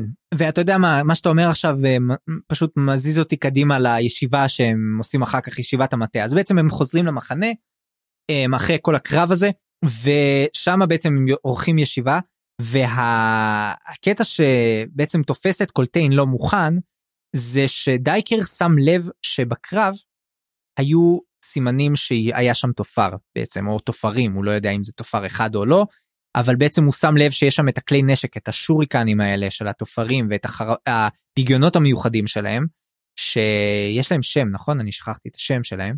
stitchers אני חושב קוראים להם. stitchers כן stitchers. והוא בעצם הוא לא הוא לא טמבל הוא יודע מה זה תופר והוא קולט את זה וכשקולטיין קולט את זה זה מאוד מטריד אותו וזה פעם ראשונה שאנחנו רואים את קולטיין מוטרד כל כך. אני חושב שהסיבה זה שהוא אם יש פה תופרים הוא אמור לדעת את זה לא הרי הוא High Fist של לא לא High Fist הוא Fist של האימפריה הוא אתה יודע הוא אסטרטג ברמה גבוהה הוא עושה את, את המלחמה של הסין בעצם והיא לא מספרת לו שיש פה תופרים היא עוזרת לו בלי לספר לו למה. יש פה שתי דאגות או שלוש אפילו הדאגה הראשונה זה שבעצם יש תופר בצבא שלו. יש רוצח בצבא שלו שהוא לא מודע אליו. זאת אומרת, אה, זאת הדאגה הראשונה, כי אתה אומר, כל רגע הבחור יכול לחסל אותו, יכול לחסל מישהו אחר, יש לך עקרב אצלכם, עקרב זה לך ואתה, ואתה לא יודע מי זה. דבר אחר, תופרים עוקבים אחריהם. ועושים, ומסייעים להם, כי כלל הם סייעו להם. הבעיה השלישית, למה לסין לא עוזרת להם? למה אם עד עכשיו הם נמצאים בדרך כמה חודשים, אין עזרה בכלום, לסין כאילו לא עושה שום דבר. הם מדברים בתחילת הפרק דרך אגב שהם שמעו שמועה שהצבא של ארן יוצ... כבר לקראתם ותוך יום יומיים הוא ממש מגיע אז אנחנו נראה שהשמועה הזאת אין לה ביסוס בכלל. לא אני חושב שהם לא דיברו על ארן הם דיברו על הצבא של תבורה שהוא בהתכוננות אבל הוא צריך להגיע עוד ממעלה זה. לא, הם לא מדברים על זה, זה אנחנו נשמע על הצבא הזה יותר מאוחר, הרבה יותר מאוחר נשמע. אה, נכון, נכון, זה בא יותר מאוחר, נכון. אבל הם מדברים, שהם שמעו שהצבא של ארן ממש כל רגע מגיע, מדברים בהתחלה, זה באותו רגע שדייקר, אני מאוד אהבתי את הקטע הזה בתחילת הפרק, דייקר הולך במקום ושומע שמועות. והוא שומע שמועות שהאצילים אוכלים תינוקות והוא שומע דברים ממש ממש נוראים ואחת השמועות שהוא שומע זה שהצבא של ארן כל רגע מגיע וזה מאוד מאוד מזכיר לי אתה יודע זה כל שיש מצור כי בתכלס זה מצור נע אתה יודע את זה זה כמו שיש את כל המצור הזה של הלמס דיפ או משהו כזה אתה יודע שהם צריכים לחכות שלושה ימים פה לא זה מצור שנמשך חודשים והם זזים תוך כדי המצור הזה הם שמותקפים ללא הפסקה. אני לא יודע תגיד לי אני לא מכיר כזה קרב שהיה במציאות אצלנו. זה קרה פעם כזה דבר? שצבא היה צריך לזוז מכל מקום תוך כדי זה שתוקפים אותו כל רגע? אני חושב שבסטינג יותר עתיק יכול להיות שהיו דברים כאלה אני לא חושב אני לא יכול לתאר לעצמי את זה בלוחמה מודרנית כי בדרך כלל בלוחמה מודרנית אין אה, צבא כל כך גדול של פליטים זאת אומרת זה לא זה לא מצוי. אבל באמת אולי משהו דומה הכי זה בסיפורים אה, של התנ"ך כאילו עם ישראל יוצא ממצרים אני יודע אז יש שם גם אה, אוכלוסייה לא לוחמת עמלקים מזנבים אחריהם וכל כן, הדברים. לגמרי. כן, זה מאוד מזכיר. אני מרגיש את ההקבלה הזאת ליציאת מצרים. כן. ובקטע הזה גם סומו מספר להם סוף סוף על הסם כזה מה מה היה איתו. כי בהתחלה הוא אומר אה, ניל חשב שזה איזשהו קשור אולי לאל הזה שהם לכאורה הרגו בפרק בפרקים הקודמים. אז מה מה הוא עושה פה פתאום האל הזה בעצם משתרש פה בתוך הסמק. אז מסתבר שכנראה שכשהם קראו את האל הזה לגזרים חלק מהאל נכנס לתוך הסמק הזה. ובעצם הם תפרו את, ה, את האלוהות, את החלקיק האלוהי הזה, תפרו אותו בתוכו. וזה למה הפה שלו סגור, והחגורות אולי מחזיקות את זה גם. וכל הדבר הזה בעצם, תשמע, זה, זה היה באמת, לא יודע מאיפה הוא מקבל את הרעיונות האלה, אבל זה ממש... אני, אני אגיד לך, מה, מה שאומר זה יותר, יותר מזה, הסיפור הוא כזה דבר. שהסמק מת, מי הרגו אותו? בעצם הרגו אותו, הרגו אותו רוחות האדמה. ואחת מרוחות האדמה הייתה לה שאפתנות יותר מלאחרים וברגע שהיא קראה אותו היא לקחה את החלק הזה אליה. ואז הרוח הזאת הייתה כל כך חזקה והיא חיפשה מקום והיא מצאה את זה בגופה של סמק. הגופה הייתה קרועה בבטן ומשם היא נכנסה. בגלל זה הוא חגור עם החגורות ועל מנת שהרוח לא תצא לו גם מהפה אז הוא דרך אגב אני חושב שהוא תופר גם את העיניים הוא תפר את כולו. בעצם אין לו יכולת שהיא יכולה לצאת ממנו והיא פועלת דרכו בגלל זה גם כן היא מאוד חכמה כי דוגרי זה אל קטן.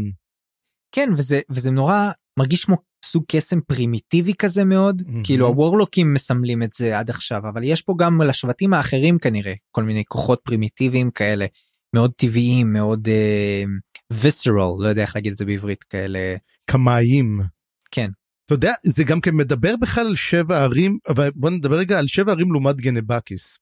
כלומר אנחנו מכירים את uh, שבע הערים את גנבקיס איפה שראינו את גני הירח וגני הירח כאילו יש המון המון דברים שהם לא מכירים שם כאילו מי זה הנומנדר רייק מה זה זה כאילו הם לא באים ממקום זה אבל בשבע ערים שזה די המקום שממנו נוסדה אולי אפילו האנושות יש כל כך הרבה קסם הקסם הוא בכל מקום רוחות בכל מקום הם מאוד מחוברים גם לקסמים כאילו לא כל כך מתלהבים מזה וזה מראה את ההבדל הגדול ב setting אתה יודע אם מדברים על setting שבו אתה כותב ספר עושה אתה יודע.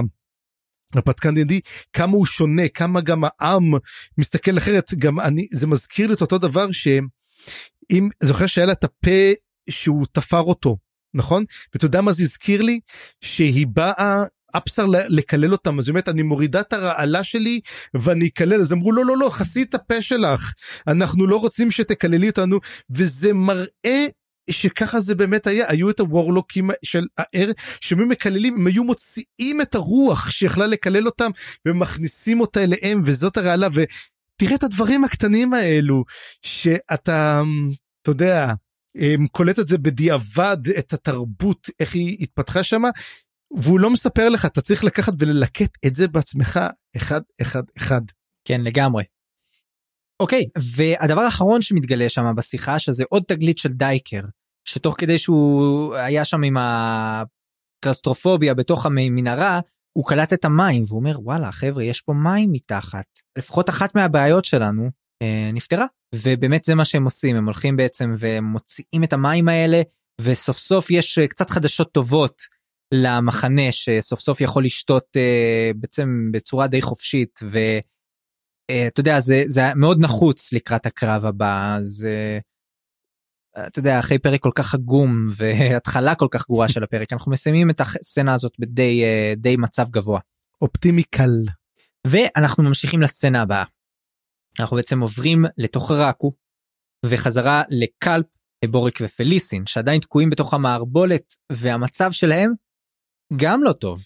הם בורחים מה, מהחול ומהרוח מה, מהמערבולת והם מוצאים כמה מערות מסתור ומהר מאוד מתגלה שזה סוג של שאריות של עיר עתיקה מתחת למדבר. פה זה מתחיל כבר כבר לצבור קצת uh, תאוצה כל התיאוריות שאנחנו הולכים עכשיו לשפוך אבל יש עוד יש עוד טיפה וזה כמובן uh, מרגיש מאוד כמו משעולים גם לך זה הרגיש כמו משעולים כל ההסתובבות במערות זה כאילו זה חוזר על עצמו זה מין מוטיב כזה בספר. אני דווקא לא הרגשתי פה משעול אני הרגשתי אתה יודע את ה... שמגלים את העיר העתיקה שקבורה תחת החול. זה דווקא אני מאוד מאוד אהבתי את זה. יודע מה אני אני אני אגיד את זה בתור תיאוריה אני חושב שזה כן משעולים זה לא סתם מערות. Okay. Uh, אני אומר את זה בגלל משהו שאיקריום יגיד בהמשך אבל אבל אני חושב שיש פה משהו גם שהוא לא סתם כי אתה יודע יהיו, יהיו דברים מאוד מוזרים שהם הולכים לגלות שם mm-hmm. ומשעול יכול להסביר את זה בכל מקרה הם מסתובבים שם וקרה משהו לבוריק בזמן הסערה הוא בעצם uh, התעוור כנראה מהחול מהרוח נכנס לו לעיניים אין לו בעצם יכולת להגן על עצמו ובעצם הם רואים איזשהו חור ענק בתקרת המערה והם צריכים לעבור דרכו. ובשלב הזה קלפ מסביר להם שמדובר בחורבות של עיר עתיקה והם צריכים לעבור דרך החור הזה והם עושים את זה בשתי uh, דרכים בעצם. דבר ראשון פליסין תופסת יוזמה והיא קושרת לעצמה אה, את המעיל אני חושב של קלפ לרגליים ובעצם הם מתחילים לא היא, לוקח, לוקחת לוקחת את החגורה חגורה שלו של כן, קלפ כן. לרגליים שאומר לה אגב זאת הבדיחה אולי הכי טובה בספר. היא אומרת לו, אומרת לו אני צריכה את החגורה שלך בשביל לקשור לרגליים כי ככה מורידים הדוסים מוריד מדוסים פאלים מורידים את ה... לא יודע מה זה קוקוסים? לא זוכר זה מנגו לא זוכר משהו מלמעלה. אז הוא אומר לה אז הוא לוקח אומר אני צריכה את החגורה שלך. אז הוא אומר לה ממש מצאת זמן אה, לראות אותי בלי מכנסיים אז היא אומרת לו אוי, לא יזיק לנו קצת לצחוק תשמע זה קרה אותי אני חושב שזו הבדיחה הכי טובה של הספר. כן יש שם אה, בנטר מאוד משעשע דווקא אה, יחסית למצב הגרוע שבו הם נמצאים יש להם עוד זמן להתבדח אבל אולי אולי קצת אה, נרגעה אחרי שבודן הלך משם. בכל מקרה הם אה, היא באמת קושרת את החגורה הזאת היא זה פוצע אותה אבל היא מצליחה איכשהו לטפס עם החגורה ככה לחבק את הסטלקטית הזה או איזשהו נטיף של של אה, בדולח כזה קריסטל כן, כזה קריסטל. בעצם שתלוי שם היא מצליחה לטפס עליו או, או בולט או תלוי אני לא הבנתי כל כך בכל מקרה הם מנסים דרך זה הם לא מצליחים כל כך אה, אה, כאילו היא מצליחה לטפס אבל אז בעצם בשביל להמשיך הלאה מה שקורה זה שבוריק פתאום מתעורר. ובקטע מאוד מוזר משתמש בידי פנטום שכנראה עדיין מהשארית הזאת של המפגש עם פנר אנחנו רואים שהוא קיבל כוחות על. יש לו בעצם את הידיים שאין לו, שהוא יכול, הם, יש להם כוחות על, הוא יכול להשתמש בהם עם הרבה מאוד עוצמה, והוא תופס פשוט את קלפ וזורק אותו דרך הדבר הזה, ובעצם קלפ משלשל להם חבל ומעלה אותם דרך זה. ואחר כך עוד אה, בוריק השתמש בידיים שלו בשביל לסחוב את שניהם. קטע מאוד מוזר אה, צפרי, אתה חייב להסכים איתי פה. כן תשים לב בוריק מתעוור ומקבל ידיים. הוא למרות שהוא גם כן לא כל כך עיוור הוא גם כן, כן. מקבל איזה יכולת לראות כן. אבל אתה רואה זה משהו מאוד מעניין. זוכר שדיברנו על אנשים שמאבדים רגליים ומתרפאים ואנחנו מתחילים לראות את זה אבל יש פה אתה יודע כמה שאנשים מתחילים במצב כזה גרוע או מאבדים גפיים או מאבדים וכל הזמן קורה להם משהו תמיד נראה שהם. יש להם איזה גיבוי כלשהו וזה קורה באמת לכולם. מי שלא רואה יתחיל לראות. זה אגב פה בעצם שים לב שאנחנו במצב של ריפוי. אם אתה רואה אם אתה זוכר את הילד הזה שהפכו לו את הכל לעין אחת שרואה גם לו לא, לא היו עיניים והוא מקבל עין חדשה. כאילו אנחנו רואים שהשינוי הוא רק יכול להיות על טבעי הוא לא יהיה שינוי טבעי. אני עדיין שואל את השאלה מאיפה הכוחות של אבוריק אני אתה יודע אני חושב שיכול להיות שזה לא רק פנר. יכול להיות שהקטע של הידיים קשור לאצבע הזאת שהוא נגע בה. Mm-hmm. הענקית. יכול להיות שזה נתן לו איזה שהם כוחות. ידוע שהאצבע גרמה לנפילתו של פנר. הוא נגע בעצם והוא כנראה היה עם אוטטרל או שמשהו קרה השאלה מה, י... מה זה היצורים האלו מה זה האצבע הזאתי ועכשיו שאלה אם זה קשור האצבע למה שאנחנו נראה עכשיו. יכול מאוד להיות. בכל מקרה כמו שאמרת לגבי הראייה שלו זה שהוא התעוור זה בעצם נתן לו איזה סוג של insight איזה סוג של יכולת לראות דברים שהם סמויים מהעין. ומה שבוריק רואה זה מגיעים לאיזשהו חדר ויש שם מלא פסלים והוא מספר אבוריק מספר שאלה שאריות מהאימפריה הראשונה. ושהאנשים האלה אל תיגעו בהם כי הם עדיין אה, הם לא מתים בדיוק הם פשוט סוג של מאובנים כאלה. והם פתחו בעבר שער או ניסו לפתוח שער שדרכו הם רוצים להכין את נתיב הידיים בשביל הילדים שלהם בשביל לשמור על הילדים שלהם או לתת להם איזה שהם כוחות. ואני חושב שמה שאבוריק בעצם רומז פה מנסה להגיד זה שהם המקור למשני הצורה. הם בעצם ההתחלה של הסול טייקנים והדיברסים וזה מה שקושר אותם למקום הזה. ואולי זה גם קשור לרמורלור אולי מדברים בעצם שזה השער שהם, שהם הכינו. תסכים איתי שזה קטע מאוד מוזר אתה אתה הבנת מהם דברים אחרים אולי? זה הקטע שאמרתי לך שאני ישבתי וחשבתי עליו הרבה מאוד זמן. כי אני באתי ואמרתי לעצמי מה מה הולך פה ומה הם אומרים ומי הם. ופה זוכר שאמרתי לך על התיאוריה וזאת לגמרי התיאוריה הרי מדובר שהמקום הזה הוא היה בעצם ה... מפה נוצרו כל האימפריה הראשונה ומדובר שהיה להם את הקסטודיאן את השומרים שהשומרים העל מתים שלהם זה התלן אימאס. והם גם מסתובבים שם ורואים גם תלן אימאס שם זאת אומרת יש גם אחד כזה. ועכשיו אני מעלה כמה רעיונות.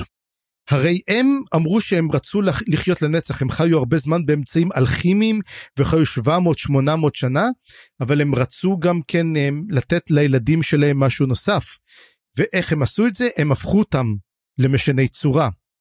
וככה אני הבנתי את זה אבל אז אמרתי רגע אומרים שהמשני צורה הם קדומים יותר מהתלנימאס והתלנימאס הם היו על מתים אז אז אמרתי רגע זה קצת מתנגש לי פה אבל אני חושב שמדובר שמשנה הצורה זה מין משהו שהם ידעו ממנו בעבר זה משהו שהיה קיים באמת. והם פשוט אמרו אנחנו רוצים להפוך אתכם ולעשות את זה ומה שקרה בעצם כמו מין שאבת חיים או מה שעושה ופה כמה תיאוריות יש לי אלא אם יש לך תיאוריות ראשונות ואחר כך אני לא תיאוריות אני אני רק אציין משהו ששכחתי לומר שרשמתי לעצמי. שגם מבוריק מדבר על זה שבעצם הם ניסו, ניסו ליצור אלטרנטיבה לנשגבות שזה היה קטע מאוד מעניין. זאת אומרת אנחנו יודעים שיש סול טייקנים שהם סוג של נשגבים אה, ואנחנו גם מכירים נשגבים שהם Soletaken ים אבל גם מצד שני אנחנו יודעים שיש נשגבים שהם לא Soletaken ים או לפחות שאנחנו לא יודעים שהם Soletaken ים נכון?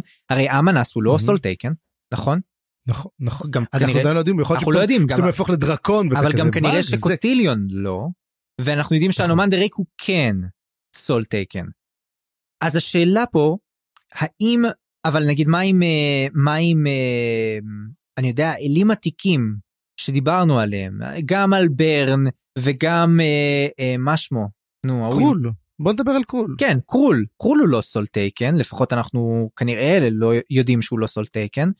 אז יש פה בעצם סוג של נשגבות שהיא רגילה, נגיד קדומה יותר, ויש לנו סוג של נשגבות שהיא מעשה ידי אדם, או איכשהו נוצרה מהאימפריה הקדומה, שזה בעצם המשני צורה.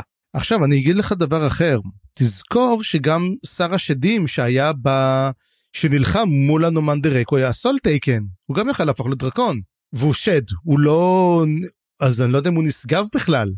אז אני פה אומר ש Soletaken זה מין נתיב שאתה יכול לבחור בו. אני אומר אני רוצה את הנתיב לעוצמה ואתה בוחר מה אתה יודע איזה קלפים אתה רוצה להוסיף לך. אני רוצה שיהיה לי Soletaken וככל שאתה אוסף יותר כוחות לעוצמה אתה יכול להפוך להיות נשגב.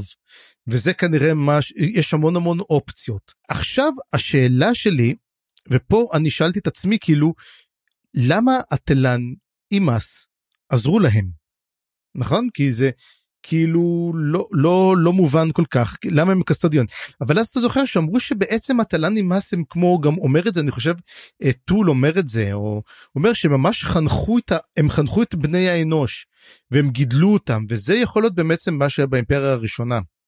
עכשיו הם יש איזה ריב על האימפריה הראשונה הם אמרו גם כן שאימפריה הראשונה ככה למרות ש... גם ה... איך קוראים להם? התל"נים אז קראו לעצמם האימפריה הראשונה. הם קראו לזה בספר הקודם, אמרו, הם קראו לעצמם האימפריה הראשונה.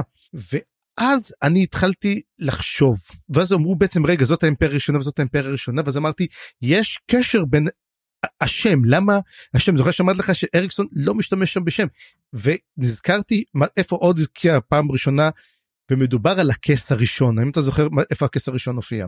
הכס הראשון אה, כן זה היה קשור לג'גהות לא?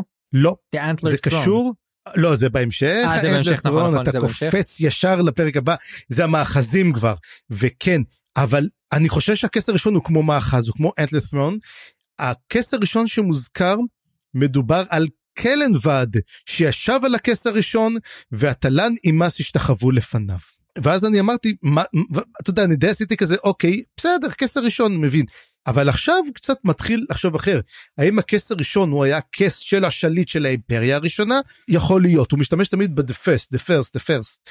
האם הכס הראשון זה הכס של האימפריה הראשונה של התלן? אימס או הראשונה של זה ואם זה אותו כס ומה אם קלנבד יושב על הכיסא הראשון וכאילו הכריז על עצמו כקיסר של האימפריה הראשונה החדשה מה אם מי שיושב על הכיסא הראשון הוא בעצם המלך של התלנימאס? מה אם התלנימאס נאלצו, הם היו קסטדיאנס אבל הם נאלצו לעבוד את אותם בני אנוש, הם לא, הם לא חנכו אותם, הם די היו קפואים אליהם, כמו ש... או כמו אתה יודע, כי הם, הם, הם צייתו להם, הם עשו מה שאמרו להם. חוץ מלהילחם בג'גותים שזה הם יכלו להתנתק דרך אגב מכל שבועה אבל מעבר לכך הם עשו וזה כוחה של האימפריה הייתה בעצם להשתמש בתלן אימס ואני חושב שלסין לא יודעת איפה הכס הראשון הזה. ואני חושב שזה המקום שבו הכס הראשון נמצא. ואני חושב שלסין מאוד מאוד רוצה לדעת את המקום הזה והיא תרצה מאוד לדעת מה נמצא שם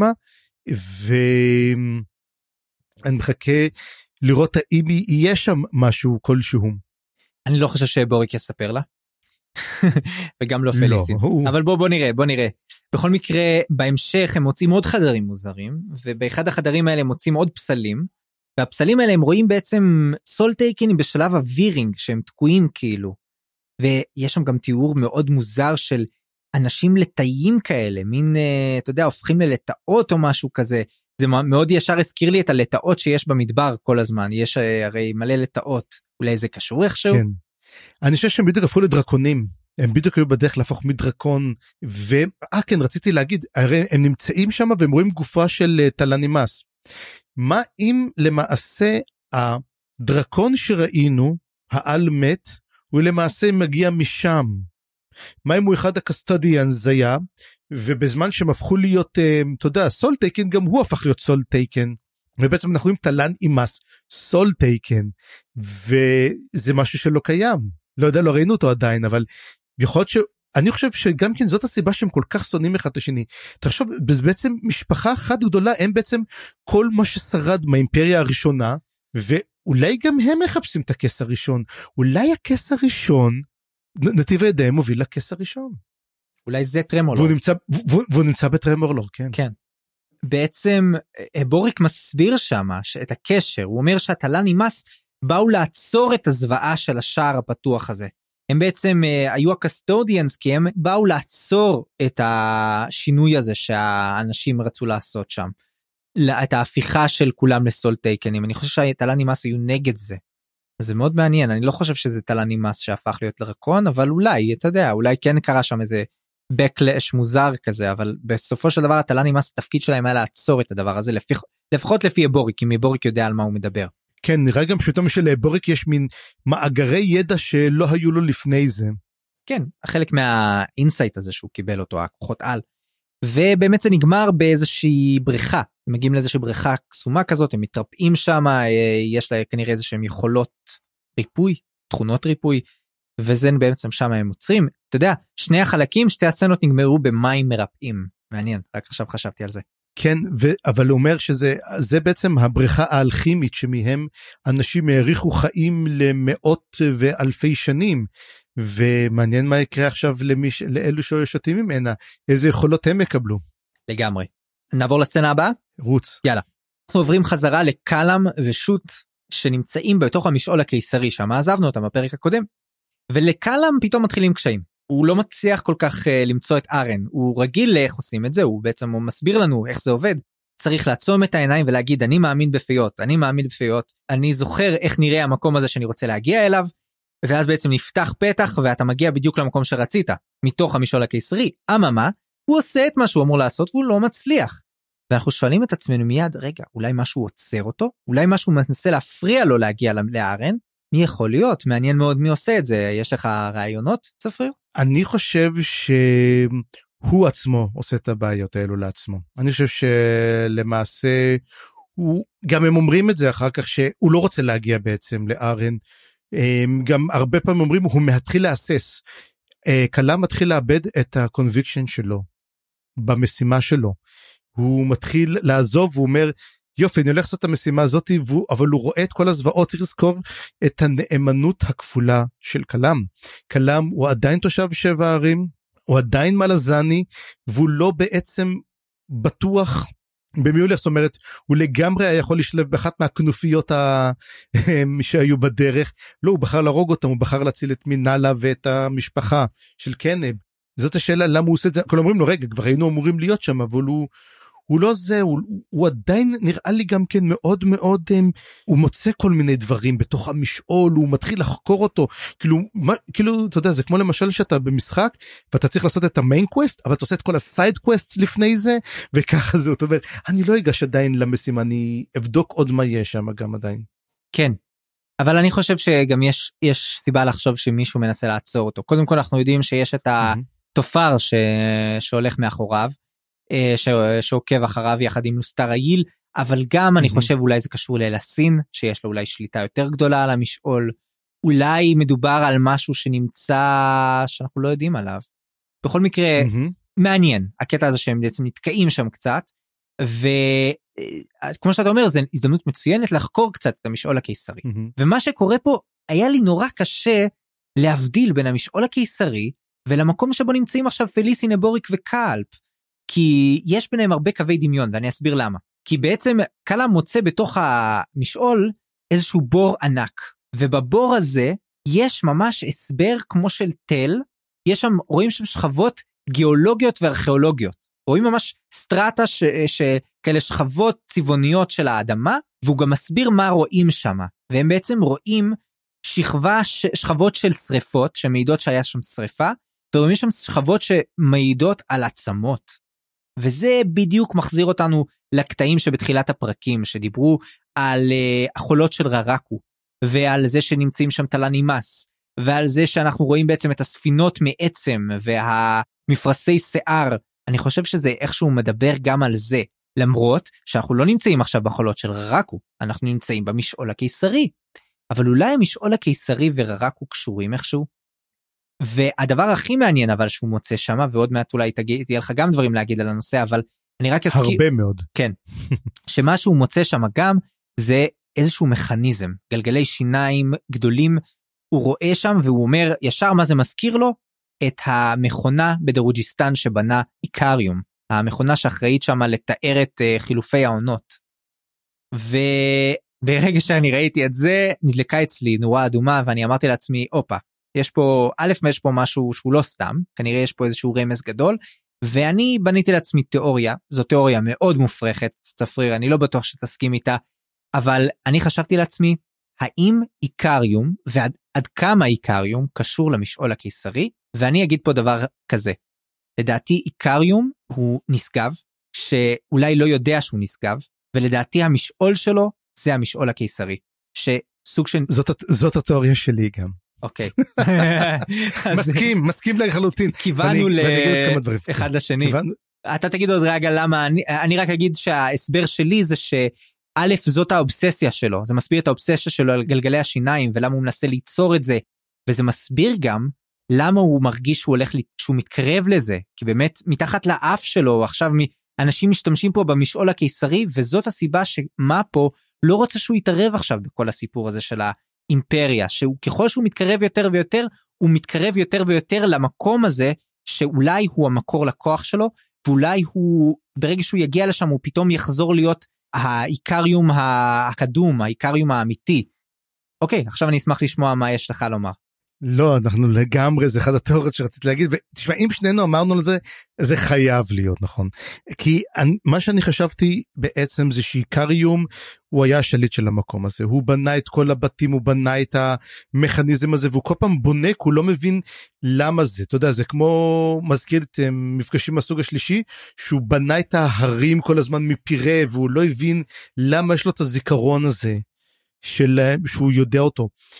אני חושב שאיקריום הוא היה אל ואל לא טוב. אני חושב, אני לא יודע אם הוא היה ג'אג, אם הוא באמת ג'אג, זה לא כזה בטוח שהוא היה גם כן אחד כזה, אבל מה שכן הוא היה עושה, אני חושב שהוא פשוט הרג את כל מי שהיה שם, הוא שרף את כל המשעול הזה, השמיד את כולם, והוא גרם לרצח של מיליונים. והמטרה בעצם של ה-nameless ones, אותם חסרי שם, הם פשוט למנוע פשוט להרחיק אותו מהמשעול הזה. אסור לו לחזור למשעול הזה אף פעם להבין מיהו כדי שיחזור לשם כי אולי משם הוא מקבל גם את הכוחות שלו. והקיסרות פשוט אמרה אוקיי יש לנו את המשעול הזה שהוא ריק אנחנו יכולים להשתמש בו כי השליט שלו לא נמצא שם. מה שכן גם כן אומר דרך אגב ואנחנו צריכים לדבר עליו זה על אובליסק. שזה בעצם הנקודה השנייה שמתחילים הם מדברים שם במהלך ההליכה שהם כן מספר שהוא רואה את זה וזה אומר אה כן איקריו מזכיר לי משהו אומר לו מה הוא אומר לו תשמע הגיע נביא אלינו למחלקה וכמה חבר'ה אספו כסף בשביל שיפתח להם את הקלפים אבל הוא נתקע מאוד מאוד מהר. אז הוא אומר לו למה? אז הוא אומר תשמע, כבר על הקלף הראשון הוא ראה קלף אה, שאי אפשר להמשיך והוא אמר זה אחד הקלפים הלא מזוהים אז הוא אמר לו איזה מהם? הוא אומר לו תשמע יש את אורב, ספטר, ת'רון, אובליסק, הוא אומר לו כן זה אובליסק. הוא אומר בגלל אובליסק שזה איקריום אי אפשר להתקדם ולמה ולמה אבל עכשיו הוא אומר אבל אז הוא אומר לא עכשיו האובליסק נפתח בגלל איקריום שזה נורא מוזר אתה יודע כל הפתיחות מראות על איקריום מגיע איקריום מגיע איקריום הוא, הוא בעצם אובליסק. זה לא ברן, זה איקריום. לפחות, לפחות ב, באזור הזה. וגם כן, כמו שמדברים על זה שהוא אומר, שמעו שמועה, אני לא זוכר איפה זה היה באיזה פרק, כבר קראנו ארבעה פרקים, ששמעו שמועה שחזר איקריום לפנפוצון, ואז הם מבינים שזה אוי ואבוי לנו שזה קורה כזה דבר. ברגע שאיקריום מגיע לשבע ערים, המצב מתחיל להסתבך. וזה מתחבר גם למשמעות שהדבקנו לאובליסק של עבר, הווה ועתיד. א', כל העניין הזה של הזמן, שזה בעצם האובססיה של איקריום, אבל גם זה העניין שבעבר היה, הוא היה משהו, ועכשיו, והוא הולך להפוך להיות חזרה מה שהוא היה בעבר, כאילו יש פה סוג של שילוב של כל הדברים האלה. עכשיו שאלה, האם איקריום הוא אל הזמן? אנחנו צריכים לראות גם כן מה, מה אומר. דרך אגב, האם איקריום גם גרם להצפה הזאת של המשעול של קורל אמורלן? האם הוא תקף מישהו באמצעות משעול ופשוט קרע אותו והכניס לשם מים מררקו? האם הוא שפך את כל ררקו לתוך המשעול, לתוך קורל אמורלן? שאלה. שאלה. אני, מעניין אותי מה הקשר פה לקורל דמורלן באמת, אבל... אתה יודע, מרגיש שחסר חסר לנו עוד קצת רמזים כי הם לא נותנים הכל, הוא לא נותן הכל. לא, טיפ טיפה, לא, לא. אני מחכה עוד טיפ טיפה לראות, אוקיי, יותר איקריום, יותר איקריום. כן. ואנחנו בעצם אה, מקבלים עוד אה, עוד עניין פה בסצנה הזאת ובעצם בשיחה עם קנב אה, סוף סוף מקבלים את הסיפור של מינאלה. ואנחנו לא סתם מקבלים את הסיפור הזה אני חושב שהיא הופכת להיות דמות קצת יותר מרכזית פתאום. לא סתם זה מסביר קצת את ההתבחבשות פה עם קאלאם כי אולי גם קאלאם mm-hmm. מתחיל להתחבר לדמות הזאת אנחנו נראה עוד מעט בפרקים הקרובים איך. אבל מינאלה יש לה סיפור טרגי מאוד היא, היא עברה התעללות בצורה מאוד מאוד מזעזעת ש, שלא רק שהבעלה התעלל בה אה, הוא גם אה, השתמש ב, ב, תפ, כאילו בסטטוס שלו בשביל אה, לנצל את החובש או את המרפא הגדודי בשביל לרפא אותה בעצם. אה, כך שאף אחד לא ידע חוץ מאחותה שגילתה באיזשהו שלב. וזה קצת מסביר למה אתה שאלת על זה פעם אני חושב איך מינה לה שבעלה הרגע מת פתאום היא מתחילה ככה לקרוץ לקלאם ולהסתכל עליו בצורה כזאת. כאילו יש סיבה היא כן אמרתי אמרתי בעלה מת ואמרתי אם כאלו בעל. נו. כן למרות שבדרך כלל אתה יודע זה דווקא יכול להיות שזה ייצור אצלה טראומה מגברים ודברים כאלה בכללי אז זה לא בהכרח אומר שהיא תרוץ לגבר הראשון שמחייך אליה לזרועות uh, בצורה פתוחה דווקא זה יכול ליצור טראומות חס וחלילה לכל החיים אבל.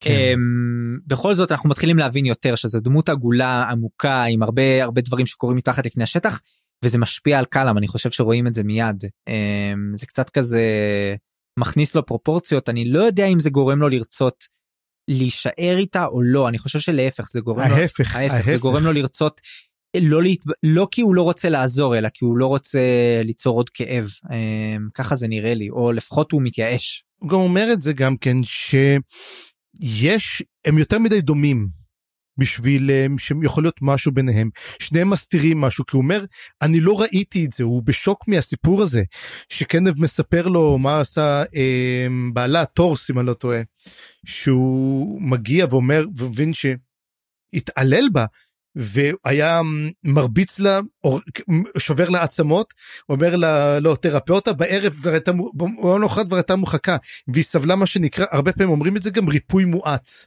שמה זה אומר? הגוף שלך מתרפא, אבל המוח עדיין זוכר את הכאבים, עדיין זוכר את הטראומה. גם אומר את זה אה, אמנס, שהוא מרפא את הילדים, הוא אומר, אני ארפא אותם, אבל אתם יודעת שהם לא יתגברו לעולם על הטראומה הזאת, בגלל זה הוא אומר לה, אתה יודע, עדיין לעם הנשיא יש עדיין את המוסר הזה, ואומר לה, תראי מה את עושה. אמ, והיא כל הזמן, ואיך איך בעצם גילו את זה? כי הם, הקוב... יש להם את אותה כובסת והיא ראתה דם על הסדין, ככה היא בעצם הבינה שמשהו קורה. ודרך אגב, גם הקצין הזה לא, לא שרד. לפי מה שמובן, כנראה קנב טיפל בו. כן, זה רמוז, אבל אני חושב שזה די ברור שהוא אה, טופל. כן. אנחנו נעבור עכשיו לסצנה הבאה והסצנה הבאה אנחנו בעצם חוזרים לררק ולפידלר קורקוס ושות אה, שהולכים בעקבות אפסלר ומשרת. ותשמע זה זאת לא סצנה יותר מדי חשובה אני לא נסתכב עליה יותר מדי אני רק אגיד שהם שמים לב שהם אה, יש פה סולטייקנים ודיברס שלא מתקרבים בגלל שהם עם איקריום אבל גם הם רואים סולטייקן מת אחד שרואים שאפסלר טיפלה בו אז אנחנו קולטים שאפסלר לא פריירית לא סולטייקנים לא יעצרו אותה וגם הם נמצאים לא רחוק מאחוריה אז בעצם כל זה היה בשביל קצת למקם אותם ואנחנו ישר עוברים חזרה ללוסטרה ייל ופרל אז יש לך משהו להוסיף על הסצנה ההיא? כן אני רוצה להגיד שבעצם כל החלק הזה החלק של כנר ושל איקריום וכולם הוא מאוד חלש. הוא כאילו רק כל פעם אתה מקבל הבלחה אוקיי זה מה שהם עושים בוא נמשיך הלאה כאילו אין להם כזאת התקדמות כאילו אני לגמרי ולא הייתה לי שום בעיה לא לקרוא עליהם בכלל החלק בכל החלק הזה. כן לא למרות שאני כן אגיד שזה זה קריטי כי יש לנו setup בעצם לסוף הפרק אבל גם זה חשוב כי זה מעבר כמו שאריקסון אוהב לעשות מעבר קולנועי. דיברנו על איקריום כן. בוא נראה שנייה את איקריום בוא נזכר בו רגע יש סוג של כזה סצנה קצרה מאוד ולא כזאת קריטית אבל אבל אנחנו נזכרים בעצם באיקריום ואיפה הוא נמצא עכשיו. ובעצם כמה הוא מתקרב פה לסיפור אה, אבל יאללה בוא נעבור לסצנה הבאה שהיא בעצם הסצנה האחרונה. ואנחנו בעצם עוברים ללוסטר היל ופרל התופר. הם נמצאים בעצם עדיין במשעול הקיסרי עוקבים אחרי קלאם רק שפתאום פרל אומר רגע או, או קיבלתי אה, דיווח פה מהש... מהאוזנייה אני צריך אה, לטפל פה באיזשהו עניין אז חכי רגע אנחנו עושים דיטור קצר ובעצם מה הם עושים הם יוצאים ישירות לתוך הקרב שבו נמצא דייקר בעצם אנחנו מתחברים בעצם לסצנה ש, ש, של דייקר שפתחנו איתה את הפרק וזה מסביר לנו סוף סוף מי היה התופר שדייקר ראה את אותותיו בקרב זה היה פרל. חשבתי בהתחלה שזה קאלאם אבל מהר עכשיו אנחנו מבינים שזה היה פרל ואלוסטרעיל גם נמצאת שם בקרב והם סוג של אה, הורגים שם כמה מהחיילים הטיטנסים ונתקלים לרוע המזל בסעמק הגדול וגם הם נרתעים ממנו זאת אומרת אין להם פתרון לדבר הזה אממה, מה שמציל אותם זה אפט האפטוריאנית עם החיית מחמד, האדם, אדם המחמד החדש שלה על הכתף. היא בעצם תוקפת את הסמק, מוציאה מתוך הגוף שלו את החתיכה הזאת של האל, וזורקת אותה, והגוף של הסמק כאילו רץ אחרי החתיכה, כאילו מנסה זה. אני לא בטוח שהיא הרגה אותו. היא לא, היא לא הרגה אותו, היא לגמרי לא הרגה אותו. כנראה שעוד נשמע ממנו, או לפחות כן. uh, הוא ימשיך לעשות בעיות, אבל אפט הצילה אותם. ולא סתם אה, אמנס שלח אותה כנראה מאחוריהם הוא, הוא אמר לה להמשיך אה, להמשיך פה להתקדם וזאת שאלה למה הוא רצה להגן עליהם אה, בעצם הם הרי שייכים ללסין הם אולי היא עשתה את זה כסוג של מגינה על קאלאם אני לא הבנתי אתה הבנת את זה צפריר? היא באה להציל את, את קולטיין, היא לא, לא קשור לכלם. אה, אני לא מבין למה אפטוריאן הייתה שם, זאת, זה אני לא הבנתי. ברור ש... למה לסין רוצה? כי לסין אומרת, היא לא באה להציל את כלם כלם. לא, לא, לא, לסין ברור שהיא שלחה את, את פרל בשביל לעזור לקולטיין, זה ברור, גם קולטיין נכון. אומר את זה, שאסור לגרום לקולטיין להרגיש שעוזרים לו. הוא עושה את זה בשושו, mm-hmm. כי המטרה של לסין זה לשמור את קולטיין חד, וכאילו זה, זה, די, זה די ציני. מה זה אומר לשמור אותו חד? זה אומר שיהיה ב... במצב הכי גרוע שהוא יכול להיות כדי שהוא ימשיך לעשות את מה שקולטיין עושה הכי טוב שזה לשרוד בכל מצב. אבל אם כן. הוא ידע שיש לו את העזרה של הקיסרית אולי הוא לא, הוא לא יתאמץ כל כך אולי הוא יעשה דברים אחרת. היא רוצה לח, שהוא יחשוב שהוא לבד לגמרי. וזה מאוד ציני ומאוד מקיאוולי מצידה כן זה סוג של שלטון מאוד אה, נצלני ו... ו, ו... אבל היא צודקת. כן. לא לשכוח היא צודקת. כן היא צודקת אבל זה דרך מאוד גרועה. אתה יודע אולי היא אפקטיבית אבל היא מאוד לא מוסרית לשלוט באנשים. זה מאוד מקיאוולי הסיפור הזה. אבל למה אפטוריאן שם? ולמה אמנס שלח אותה. אז עוד למה אפטוריאן הייתה שם אני לא חושב שאמנס שלח אותה אני חושב שעשתה את זה מעצמה ואני חושב שאולי זה קשור לילד וזה קשור לניל וזה קשור למשהו שאנחנו נראה בפרק הבא. אוקיי. אה עכשיו שאתה אומר את זה אולי אתה יודע מה? אולי היא באמת זורמת עם הילדים היא, היא הולכת לסוג של משימת נקם. בסמקים ובאנשים שטבחו בטיטנסים כן. כן. יכול להיות. אוקיי, אז אה, פה בעצם נגמרת הסצנה ונגמר הפרק. אה, וואו, פרק ארוך, נראה לי שנגענו בכל הדמויות אה, של הסיפור. כן. בפרק הזה. כן, הפרק הבא הוא גם כן פרק 13, הוא לא פרק כזה ארוך, אבל הוא גם לא פרק כזה קצר. עדיין, למרות המאזינים שלנו שעדיין נשארו עד עכשיו ועדיין מסוגלים, אז ננסה את שני הפרקים הבאים לעשות אותם טיפ טיפה קצת יותר מהר, התעכבנו כי באמת זה הפרק מאוד מאוד מאוד חשוב. בפרק הבא יש גם צנע מאוד ארוכה, אני לא כל כך הולך להתעכב עליה, אבל אני כן הולך להסביר לכם מה קרה שם, כי הייתה נורא מורכבת. אבל קראתי את זה כמה פעמים, וזה פשוט אולי צנת אחת הקרבות הכי טובים שיש. ונתחיל. אז פרק מספר 13, ואנחנו חוזרים לספרים, כאילו נהנינו מהמיתוס, אנחנו חוזרים עכשיו לפרק. יש לנו חיי הכבושים של אה, אילם טראוס שכבר נתקלנו. פעם קודמת דיברנו על החרבות האדומות. הפעם יש פה דווקא משהו נחמד, היא מדברת, או הוא מדבר, על הכלבים שיש לוויקנים. ובעצם מה שאנחנו צריכים לזכור הוא שרגע הוויקנים הם כבושים.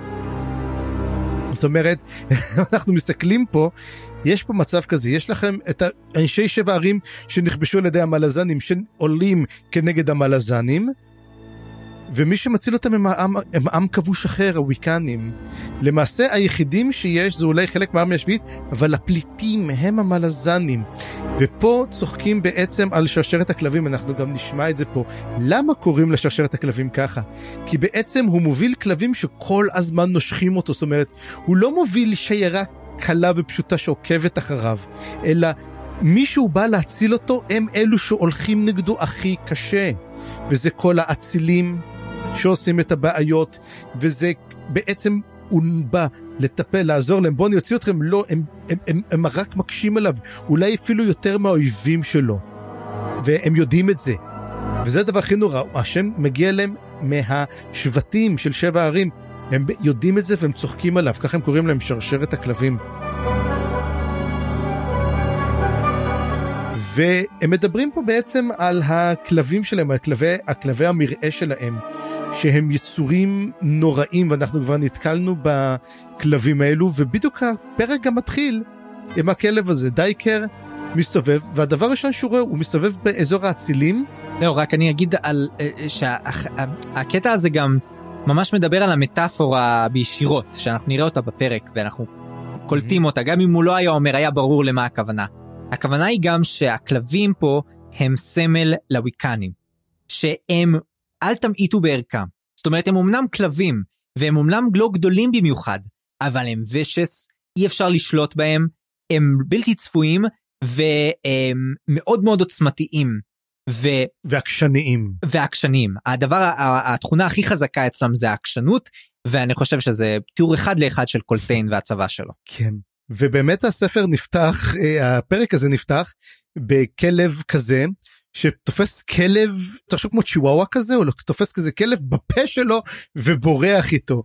ואז uh, מגיעים כל הצילים ואומרים ובאים אליו ואומרים לו תגיד לי ראית במקרה את הכלב את הכלב בפה?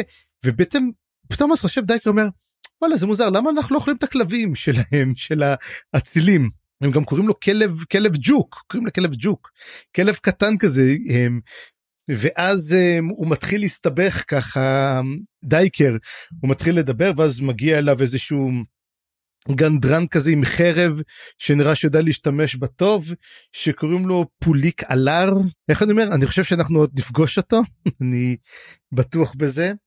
והוא בא אומר לו מה אתה ככה צוחק עליי? וזה ואז למזלנו מגיע ליסט. ליסט uh, מגיע אומר לו מה קרה? יש לנו עומת ישיבה עם uh, קולטיין קדימה צריך אותך בישיבה.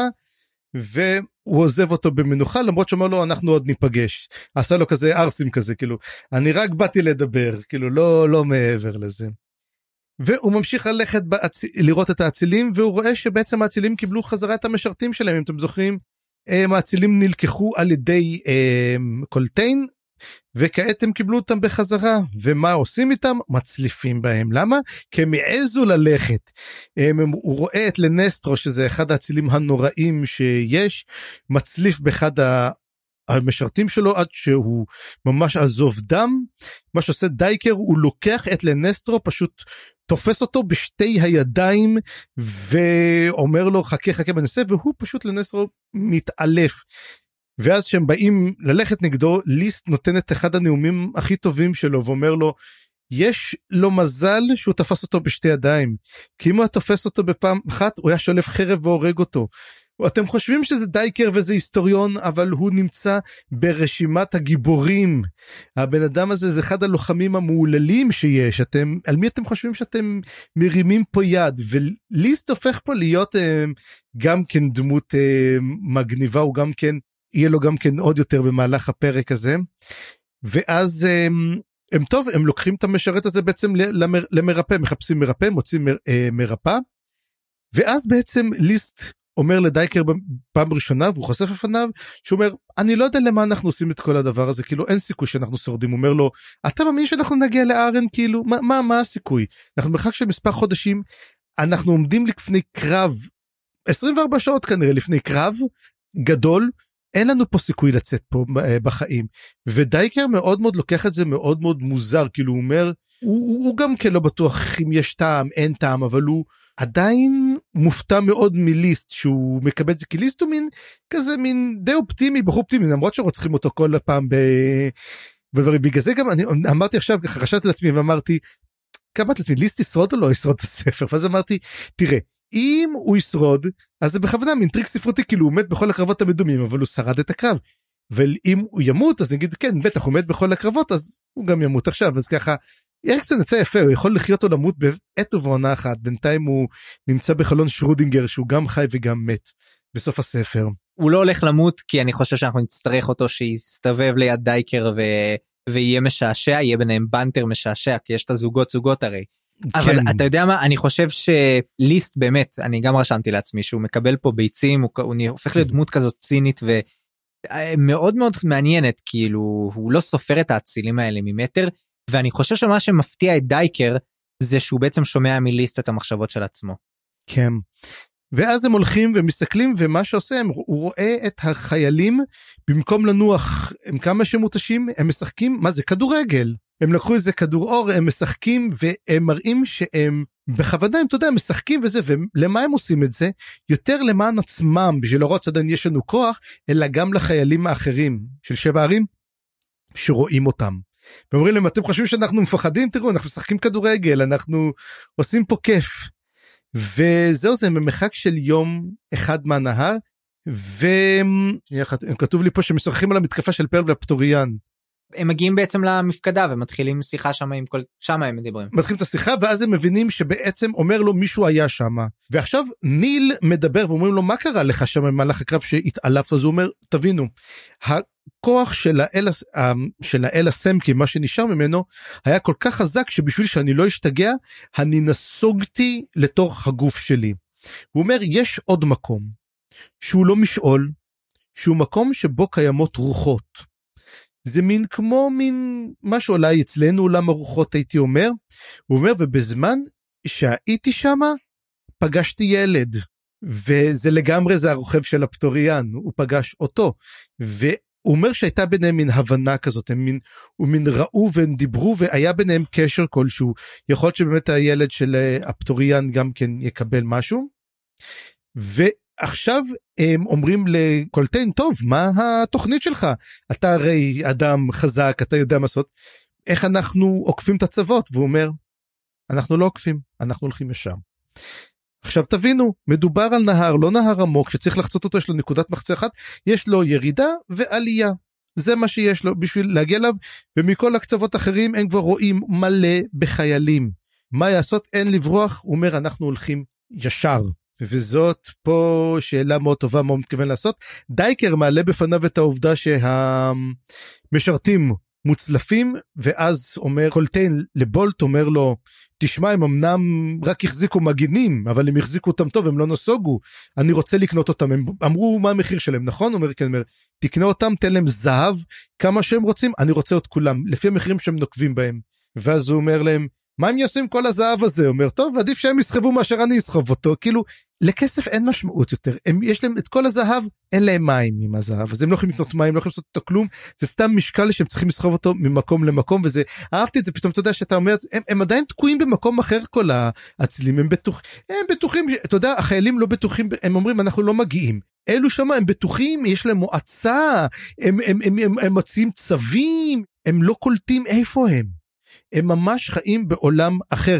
יש המון המון אצל אריקסון אנטי אצילי, אנטי מעמד גבוה, ומרגיש את זה שהם, כאילו זה כל מה שהם עושים, אצילים אם יש להם את הכוח, הם ינצלו אותו ממש ממש לרעה. וקולטן אומר, תשמעו, אין לי אה, מה לעשות, כי אומר, אומר, אני לא יודע מה הולך להיות מחר, כל השרים שלנו הרגו אותם, אז אין לנו מה לדעת, אבל כן אומר שתבורי פארן גייסה צבא, ופה מדובר פעם ראשונה שכן תבורי פארן יוצאת בראשות כנראה צבא, צבא אדיר שעומד להגיע לשבע ערים ולחסל את המרד, אבל איפה היא עומדת להגיע? לארן, וזה עוד הרבה זמן, עוד כמה חודשים יקחו עד שתגיע, אבל הוא אומר, כן, צריכים לשרוד, להגיע לארן, ושם להחזיק את המקום, כי אנחנו הולכים לקבל תגבורת. יש עכשיו כבר בעצם אה, מטרה יש להם ציפייה יש להם יכולת. שזה דבר זה כל הסיבה בעצם מה שעושה כי הרבה אנשים מתחילים להבין שאין סיכוי. הוא אומר להם תשמעו יהיה קשה אבל יש סיכוי יש למה. אנחנו נגיע לארן ואנחנו שורדים את הקרב. אנחנו מצליחים את זה. רק כל קרב בשעתו. דייקר אה, יוצא והוא מתחיל אה, להסתובב ולחפש. הוא מגיע לשבט הכלב הטיפש. עוד פעם אנחנו אמרנו שהוויקים וויקנים אתה משווה אותם לכלבים. אז יש להם שלב ויש להם את שבט הסמור יש להם את שבט העורב שזה השבט של קולטיין עצמו. יש להם את השבט אה, הסמור דרך אגב זה השבט שכמעט חוסל לחלוטין. הם הפכו להיות פראיים והם משננים את כל השיניים שלהם. הם דרך אגב מקבלים את המשימה לשמור על האנשים הם לא הולכים לחצות איתם. ושבט הכלב הטיפש הוא רואה שהם עושים משהו אחר. הם מוציאים שריון שריון מאוד מאוד כבד שריון לוחות. גם מעוצב מאוד מפחיד. והוא אומר להם כאילו מה הפכתם להיות חיל פרשים כבד? ואומרים לו שכן.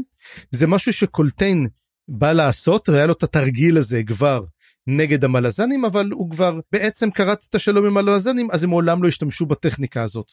ואז הוא אומר אוקיי בינתיים סולמר וצ'נד שני מפקדים הם מגיעים ומתחילים להתלונן שהחבלנים אותם ספרס כבר ברחו.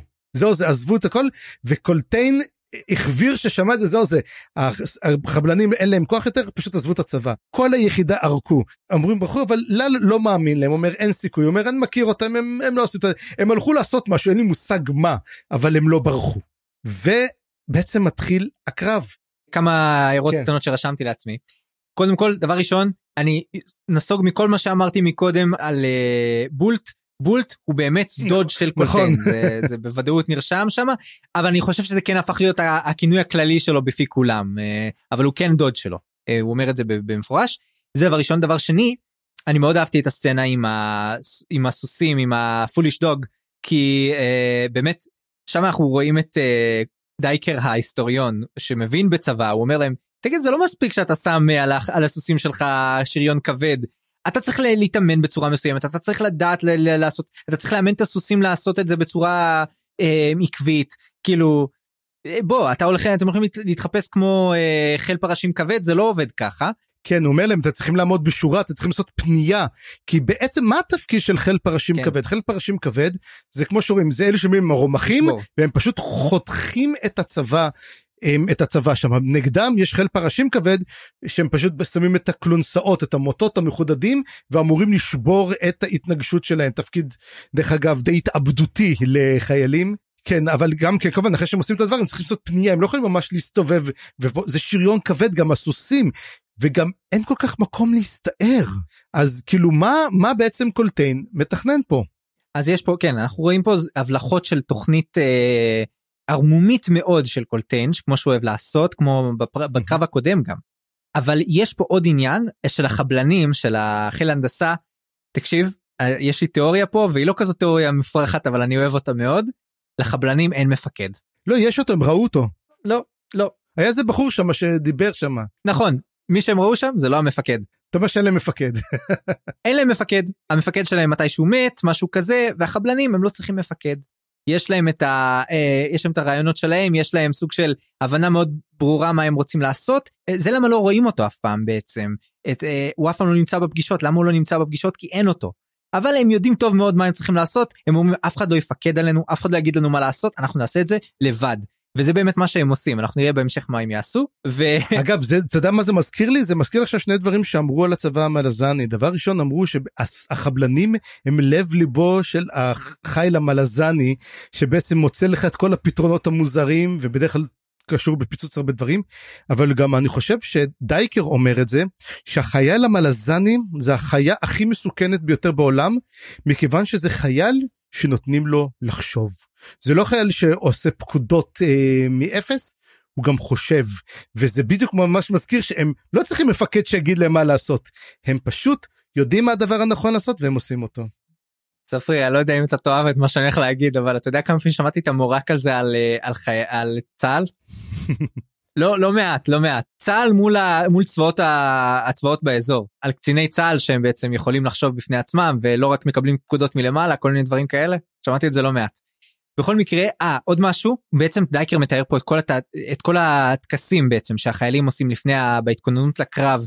ווואי זה ממש תיאור חזק. אני ראיתי בעיני רוחי את Band of Brothers וכל מיני כאלה סרטי מלחמה רואים שם איך חיילים עושים את הטקס הזה שאתה יודע יש כאלה שהולכים אה, לשחק קלפים יש כאלה שקוראים בתהילים יש כאלה שאני יודע כל אחד והקטע שלו ודייקר אומר שום דבר פה לא עוזר לי.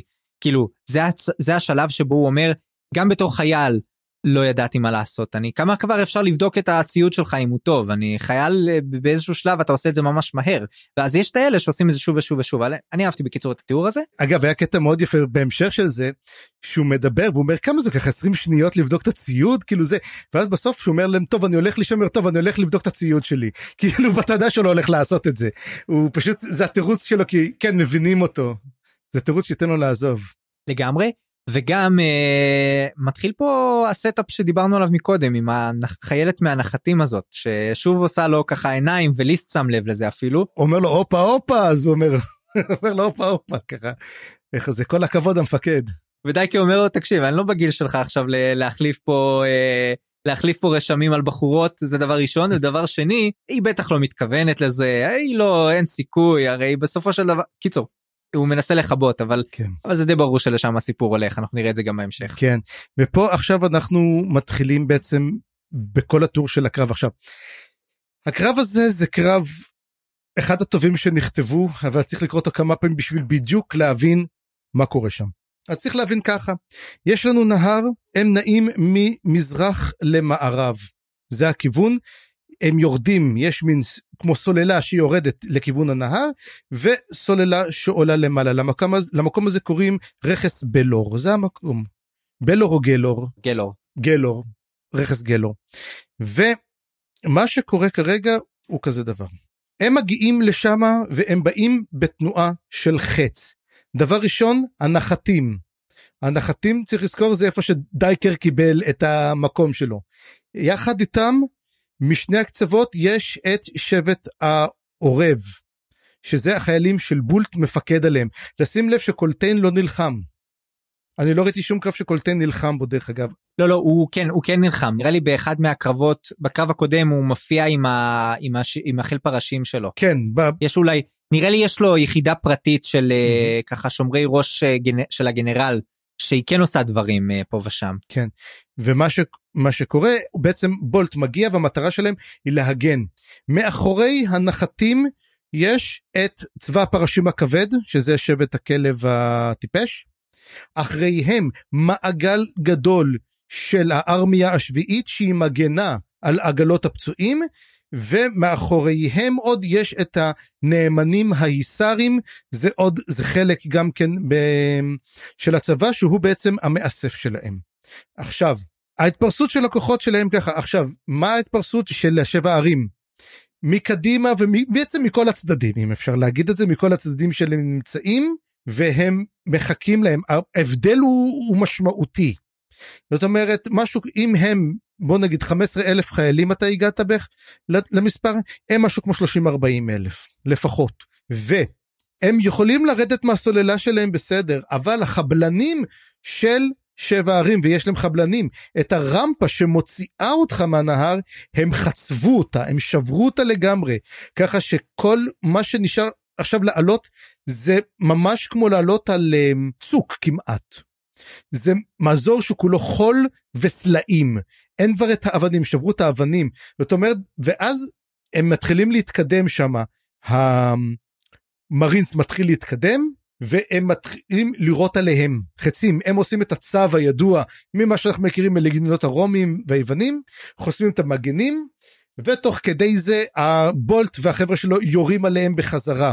תוך כדי שהם עושים את זה הם מתקדמים הלאה הם מפנים את השטח ואז הם נותנים בעצם לצבא של הסוסים להתחיל לפלוש. הם יוצאים לשני הצדדים תוך כדי שהם פוגעים בכניסה. בעצם נותנים מה קורה? כי אם, החי... אם הסוסים יגיעו קדימה הם לא יוכלו לעלות על הרמפה ואז הם ייתקעו מה שיגרום להרג של סוסים ערימות ואי אפשר יהיה יותר לצאת. זה נגמר בעצם הסיפור פה והם יהיו צבועים. ולכן זאת הסיבה שהם נמצאים המרינס מפנים להם את הדרך פשוט תעלו על הרמפה רק ת... תעשו את כל הרמפה הזאתי אבל הם מסתכלים ואין סיכוי שסוסים מסוגלים לעשות את זה.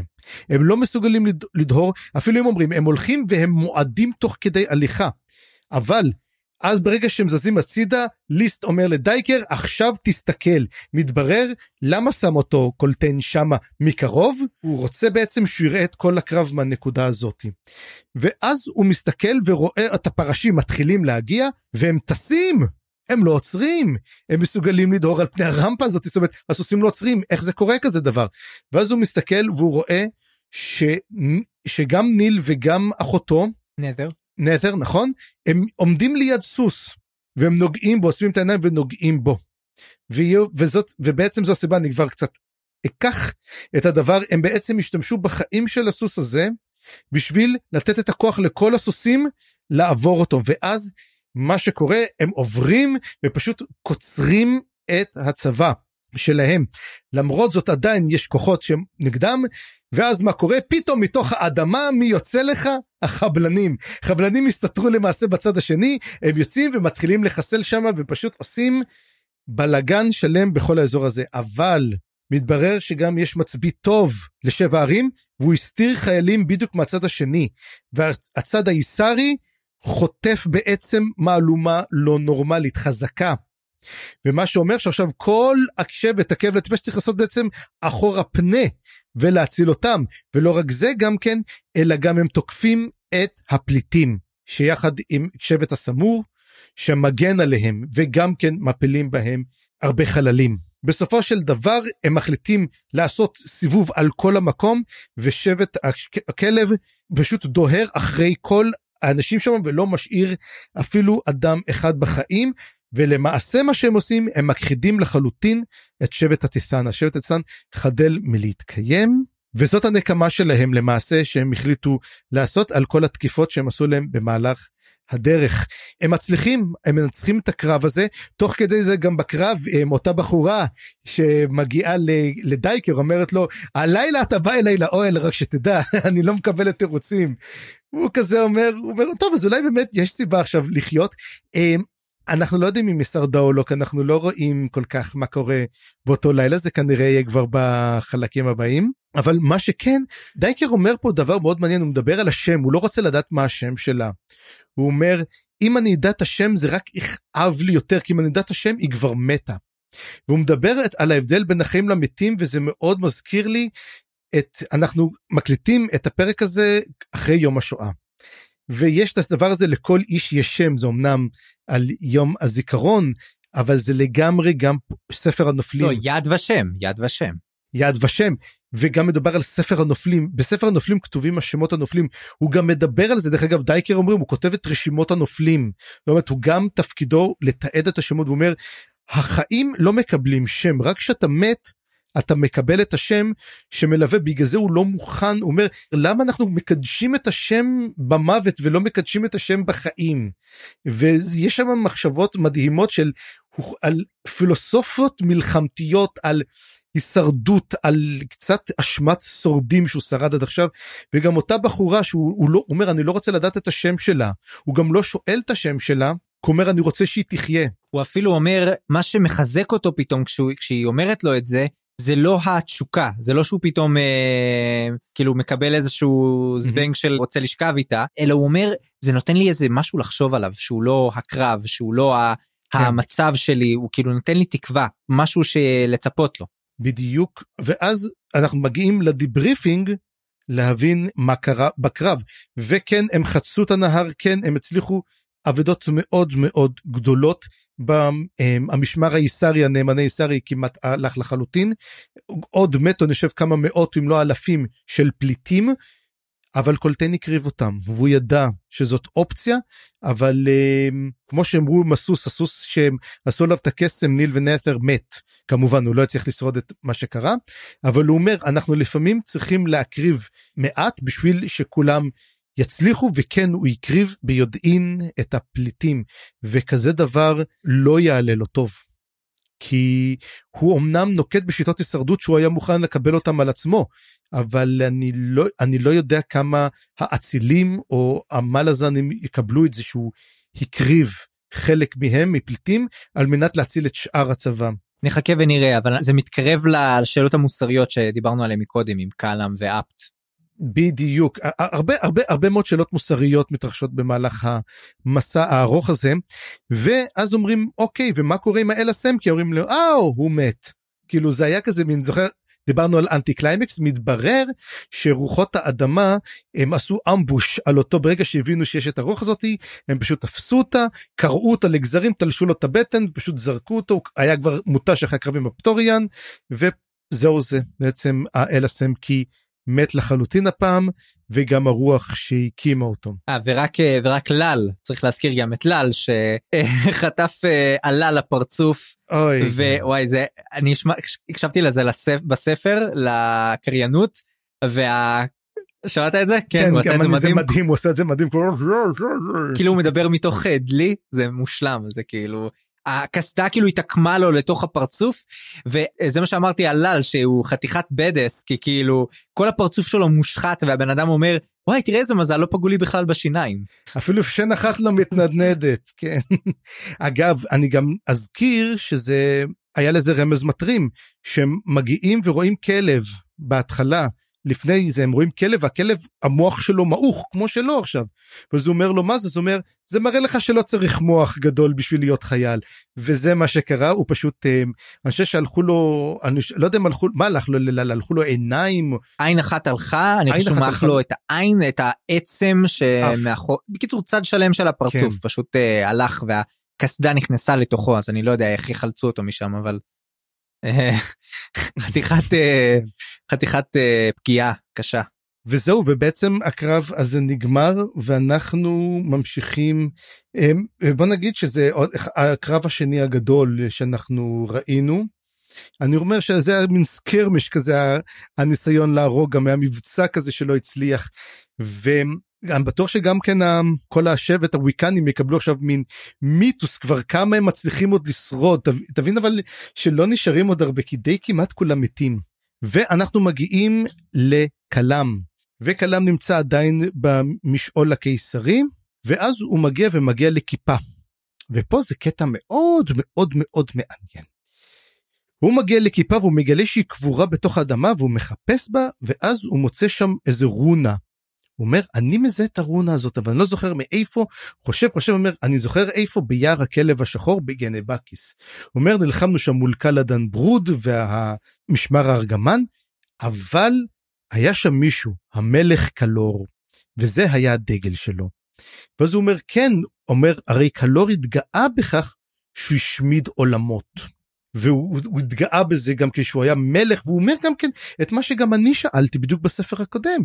אם קלור היה כזה מלך גדול, למה הוא הסגן של קלאדן ברוד? למה הוא מקבל את זה על עצמו? ואז מה שאני התחלתי לחשוב, שאותו אחד בעצם, קלור, הוא מהאימפריה הראשונה.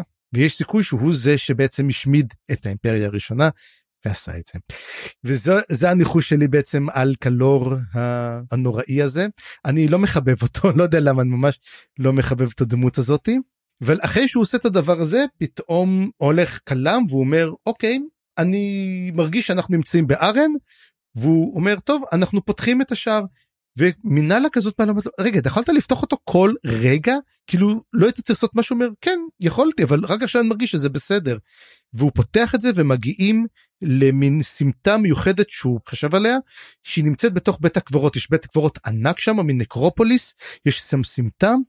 סמטת no help קוראים להם אני לא טועה ושם הוא יוצא הם יוצאים משם ואומרים או oh, איזה יופי יצאנו בוא נלך לאכול ולשתות איזה משהו.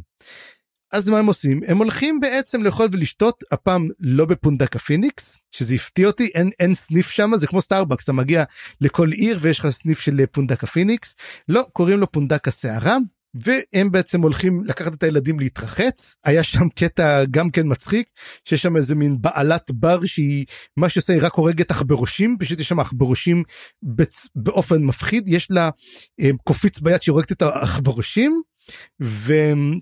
יש ערימה שלהם מתה במרכז החדר וזה מין בר עלוב אחד הברים הכי עלובים שיכולים להיות שם ואז היא באה ואומרת להם היא אומרת לו אלו מאחורה ביקשו סבון. הוא אומר אוקיי. ואז היא אומרת לו אין לי סבון. אומר אני די הסקתי את זה מהשאלה שלך כאילו זה מין מקום עלוב כזה שמנסים אתה יודע לעשות איזה מין semblance of life. והוא מוצא שם נפני שיכור שיושב שם דפוק ואז הוא אומר לו מה קורה? והוא אומר מה הם עושים לי בעיות פה ועל מה? רק שתדע שאני קברניט יש לי ספינה יש לי גם צ'רטר של האימפריה ואני מפליג בקרוב לאונטה עם הגזבר של, ה, של, ה, של פורנקוואל הגזבר שלו עם כל הזהב ואני מגיע. הוא אומר לו ואתה? שואל אותי אם אתה רוצה להגיע? בוודאי אתה מוזמן לעלות על הספינה שלי. וכלה מבין שמישהו עוקב אחריו לחלוטין ואז הוא אומר לו מי יעשה את זה? אז הוא אומר אה יש אחד בשם סלק אילן הוא קבע את הכל תפגוש אותו בספינה. עכשיו אני אשאל אותך פה אני אעשה עוד כמה דברים ואני רוצה רגע לחזור באמת על כל השאלה הזאתי ואז מגיע מנהלה הוא בא אליה ואומר לה תשמעי תגידו לקנב שילך לאגרוף המקומי יציג את עצמו יגיד שהוא הגיע באמצעות כל דבר אחר עם ספינה ושלא יזכיר אותי. ואז הוא מתחרט לפניה אומר לה הלוואי שהמצב היה אחרת זמנים אחרים וחוטף על זה מלון על הפרצוף כי מנהלה עדיין כזאת יש ביניהם משהו יכול להיות משהו ביניהם אבל הוא די מחליט uh, לבטל את זה והוא יוצא יחד עם uh, הנפני הזה לספינה שלו. עכשיו השאלות הגדולות מי זה הנפני ומי זה סלק אילן. יש לי תיאוריה אני רק עכשיו זה עלה לי. אני האמת שאל רשמתי לעצמי לשאול אותך אם אתה יודע מי זה הבן אדם הזה כי אפילו אפילו קלאם הרי אומר שזה כנראה לא קוויקבן הוא אומר מה אולי זה קוויקבן לא אין מצב הוא, אה, הוא לא היה מארגן יש לי אני אגיד לך אני אגיד לך משהו. אומר זה 100 אחוז לא קוויקבן אומר לגמרי לא. תראה אני מנסה לחשוב על נפני הנפני היחידי שאני מכיר זה רק אחד. לסין אבל זה לא זה ואז אני פה אשאל שאלה אחרת האם לסין מארגנת את כל זה חשבתי על זה אבל עכשיו עלתה לי תיאוריה יותר טובה תן לדעתי זה אמנס. אמנס וסלק אילן הוא בעצם אה, בעצם אמנס שנמצא לסיפון או שזה אמנס או שזה שליח שלו או ש... או, אתה יודע, כאילו פשוט הכי מסתדר לי שהאמנס מושך פה בחוטים כדי שקלאם יצליח ל... במשימה שלו בעצם. Mm-hmm. פה בעצם, אני עכשיו אתן לך עכשיו משהו הפוך על הפוך, אני סתם, אני אוהב את הדברים האלה קולים לי. מה אם מי שארגן לו את המסע הזאת, זאת תבורה. עכשיו בוא תקשיב ככה. מה אם תבורה היא בעצם נגד הקיסרית ולא בעדה. בינתיים אנחנו מסתכלים ורואים שכל המהלכים שעושה תבורה הם די למען עצמה לקידום שלה, אבל יש לה המון המון השגות לגבי זה. דבר ראשון, היא אמנם שולחת את פליסין, אבל היא דואגת לשלוח איתה את, את מישהו מהטלון. טלון זה כל כך אנטי קיסרי, שלמה יש לה את הקשרים לזה? מה אם, כמו שאמרתי, היא בעצם אחד מהטלונים? מה אם סלק אילן הוא בעצם אחד מהטלון? מה אם יש קבוצה שכל הקבוצה הזאתי היא בעצם אנטי אימפריאליסטים כל האנשים שבעצם נטשו את לסין, כל המשמר הישן, הרי המשמר הישן אנחנו יודעים, אמרו שהם מתו, מה אם הם לא מתו? מה אם הם פשוט ברחו? הרי כבר מעלים את ההשערה הזאת שאמרו שלסין מצאה את עצמה לבד בסופו של דבר. כי אחרי שבעצם היא כביכול הרגה את קלנבד ואת רקדן, אז הם ברחו ממנה, הם נטשו, אמרו איך יכולת לעשות כזה דבר, ועזבו אותה. כמו שאומרים, אומרים הרי קרטרון קראסט ואורקו אומרים, הרי הם לא הם מתו, הם אמרו שהם מתו או שהם טבעו למוות, אבל למעשה הם נטשו אותה. מה אם זה כוח אנטי אימפריאליסטי בהנהגתה של תבורה והמשמר הישן, שמטרתם כן לדאוג לזה שקלאם יחסל אותה, והנפני השיכור זה קרטרון קראסט. או אורקו, האח שלו, אין לנו בינתיים, זה, תשמע, זה פאקינג תיאוריה, אבל היא... זאת אופציה. זאת אופציה. אגב, אני אהבתי את השם של הספינה. The כאילו, אם לא יודע אם אתה זוכר אבל שהריפס הספינה של, ה, של המרינס שהגיעה הם רצו לחסום אותו אז הם חסמו את זה עם רגס. הם בעצם זה מה שנקרא הם בעצם זאתי שהיא מה התפקיד של הספינה? היא לסתום את החורים. זה רג סטופר שזה מה שיש לה וזה נו, אותי זה הצחיק. וגם כן הדמות הזאת היא נחמדה למרות שקצת אני חושב שכל הנפני שהוא שיכור וזה הוא לא שיכור בעצם. סתם הצגה ויש פה משהו. עכשיו זה קצת ככה כי דוקרי לא רמזו לנו על זה שיש עוד כוח אימפריאליסטי. קצת פה קצת שם אתה יודע ככה רומזים אנחנו עדיין לא יודעים. ונמשיך לוסטרה איל אנחנו חוזרים ללוסטרה איל היא הגיעה ל... הגיעה לאימפר לארן הם יצאו החוצה אנחנו לא יודעים אם ישתמשו או לא ישתמשו במשעול של כלם ככל הנראה לא לא לא הרי הרי התופר שאיתה יכול לפתוח את המשעול בעצמו בדיוק הם לא אז, צריכים אז הם לא צריכים בדיוק אז הם אבל יכולים... הם בוודאי הגיעו לשם דרך משעול כן בוודאי. ואז הם מגיעים והיא אומרת טוב תשמע אני צריכה לדווח למפקד שלי אורטוס אה, סטרל אם אתה זוכר אורטוס סטרל נזכר שהוא האח של אה, שני החבר'ה האלו שהלכו די בהתחלה הסטרלים. ואז היא אומרת אוקיי אני הולך לבדוק אז הוא אומר לה אבל אני צריך אותך פה אז אומרת לו אתה תחכה לי הוא אומר בוודאי לנצח היא אומרת לו תחכה לי עד השחר זה בסדר הוא כזה מין אתה יודע מין גנדרן כזה הוא מאוד מזכיר את טופר קצת בהתנהגות שלו זה מין ככה ואז היא מגיעה לאיזה מחסום ואז היא אומרת אוקיי אה, אני רוצה אתה יכול להפנות אותי למפקדה של החרבות האדומות. אז הוא אומר לה אני מבין שרק עכשיו הגעתי אומרת לו נכון. הוא אומר יופי תביא את כלי הנשק שלך כי את עצורה בעצם ארבעה ימים לפני זה פומקוואל הוציא צו שאוסר את החרבות האדומות שיש להם בעיות בנאמנות שלהם הרי הם תושבי שבע ערים במקור וזה הכי מצחיק וזאת הכי אירוניה כי הם הכי נאמנים ודווקא אותם הם חוששים לנאמנותם. מאוד הזכיר לי את המקרה שהיה בארצות הברית עם היפנים. שמלחמת העולם השנייה היפנים בארצות הברית נשלחו למחנות מעצר. למה? כי הם אמרו אולי הם בעצם ישנו את הנאמנות שלהם ויבצעו פעולות כנגד ארצות הברית. והוא עוצר אותה ואז הוא אומר לה את רוצה לדבר עם אורטוס אטרל? בבקשה תדברי איתו. והוא עוצר אותה היא בכלא ואנחנו צריכים לחכות ולראות מה קורה כי אנחנו מגיעים לעוד סצנה קטנטנה אחרונה של מינאלה אנחנו וכמו שאמרת היא כנראה הופכת לדמות יותר גבוהה והיום היא מדברת עם קנב ועם uh, סלב ואומרת להם אני uh, הולכת אחריו. אומרים לה איך את יכולה בכלל לעקוב אחריו ואומרת זה בסדר הוא עדיין לא נאלץ להתמודד עם אישה היא יכולה לעקוב זה קצת היה תירוץ מטומטם אני חושב כזה אבל יש לה אולי כוחות שיכולה להיעזר בהם בשביל לעקוב אחריו. זה מאוד מוזר במיוחד אחרי שהיא כעסה עליו. למה היא כעסה עליו? כאילו בגלל שהוא הלך בלי להגיד להם כלום. נכון. כאילו הוא לא הוא לא נפרד מהילדים הוא לא נפרד מהאלה. היא אומרת לו איך אתה יכול לעשות את זה? אתה איש רע אתה טטטם ועכשיו היא כאילו היא הולכת אחריו מה? כן. בלי להגיד שלום. מוזר מאוד. כן, אבל כשהיא עוזבת קנב בוכה. זה היה משהו מאוד מאוד מאוד מעניין על הדמות של קנב שהוא מפקד צבא והוא עדי, וכשהיא אומרת לו שהיא עוזבת והולכת אז הוא ממש בוכה, כי אני חושב אבל דווקא משמחה כי הוא יודע שהם בעצם טובים ביחד, אבל הוא יודע שהוא לא הולך לראות אותה שוב. אני חושב שמה שהוא חושב זה שהיא נמצאת בנקודה שהיא בעצם לוקחת חזרה בעלות על החיים. כי עד עכשיו הוא הרי אמר שהיא השתמשה במשפחה שלה כשריון ועכשיו זאת הזדמנות שלה בעצם להשיל את השריון הזה ולהתמודד עם החיים ומה שנתן לה את הזבנג זה קלאם ואולי כן. אה, אולי זאת ההזדמנות שלה בעצם לצאת מאזור הנוחות לצאת מה, מהטראומה ולהתקדם קדימה וזה מאוד משקף משהו שיקרה בסוף הפרק הבא. וזהו זה יש לנו פה shipping של קלאם מנהלה שזה נחמד. ואנחנו סוגרים את פרק 13 וחיים בוא קח אותנו לפרק 14 without further ado. יאללה, פרק 14 מתחיל באמת בקטע מאוד מאוד קצר, באיזה סוג של אמרה. The goddess drew breath and all was still, the apocalypse, של הרולן. הרולן, אני לא יודע מי זה, מה, מי זאת. אנחנו יודעים, שמענו על זה כבר? לא לא לא פעם ראשונה. קטע מאוד קצר, מאוד קריפטי. אה, מדבר על, אה, כמובן, נראה לי דריז'נה, ש, שבעצם הסערה הולכת להיגמר. אני חושב שזה בעצם מתחיל להגיד לנו מה הולך לקרות בפרק הזה. אני חושב שזה חלק מהנבואה הרי הרבה מדברים בדיוק גם על הנק... במהלך הפרק על הפסוקים האלו.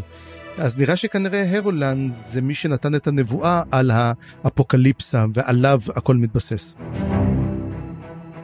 ואנחנו עוברים לררקו, ובררקו אנחנו עזבנו את פליסין, קלפ ובוריק, שעדיין נמצאים בעיר הקדומה. בוריק מציע בעצם להדריך אותם החוצה, הוא עדיין יש לו את היכולות ה...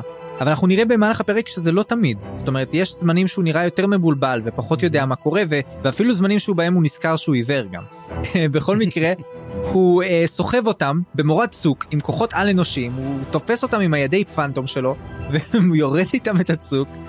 כאילו, מה זה הקטע הזה? הם, הם, הם בורחים מאיזה משני צורה שם שרוכשים באזור, והם פוגשים, תוך כדי הבריחה שלהם, איש מאוד מוזר. מאוד מאוד מוזר, אתה יודע, הוא הזכיר לי מאוד את קראפ, לגמרי. בדרך שבה הוא דיבר, כזה מאוד ציני, מאוד משעשע, צ'ארמר כזה, יש לו תשובה לכל שאלה, הוא כזה מאוד מאוד חמוד, וגם מאוד מחשיד. ואני חייב להגיד פה, אני, אני ישר חשדתי שמשהו מוזר קורה עם האיש הזה, ואני אגיד גם מה היו הרמזים המתרימים מבחינתי, אבל בואו קודם נגיד מי זה, זה איזשהו בן אדם שמציג את עצמו כסוחר. סוחבים אותו על פלנקין כזה, ארבעה משרתים על מתים, הוא טוען שהוא סוחר בחפצי קסם.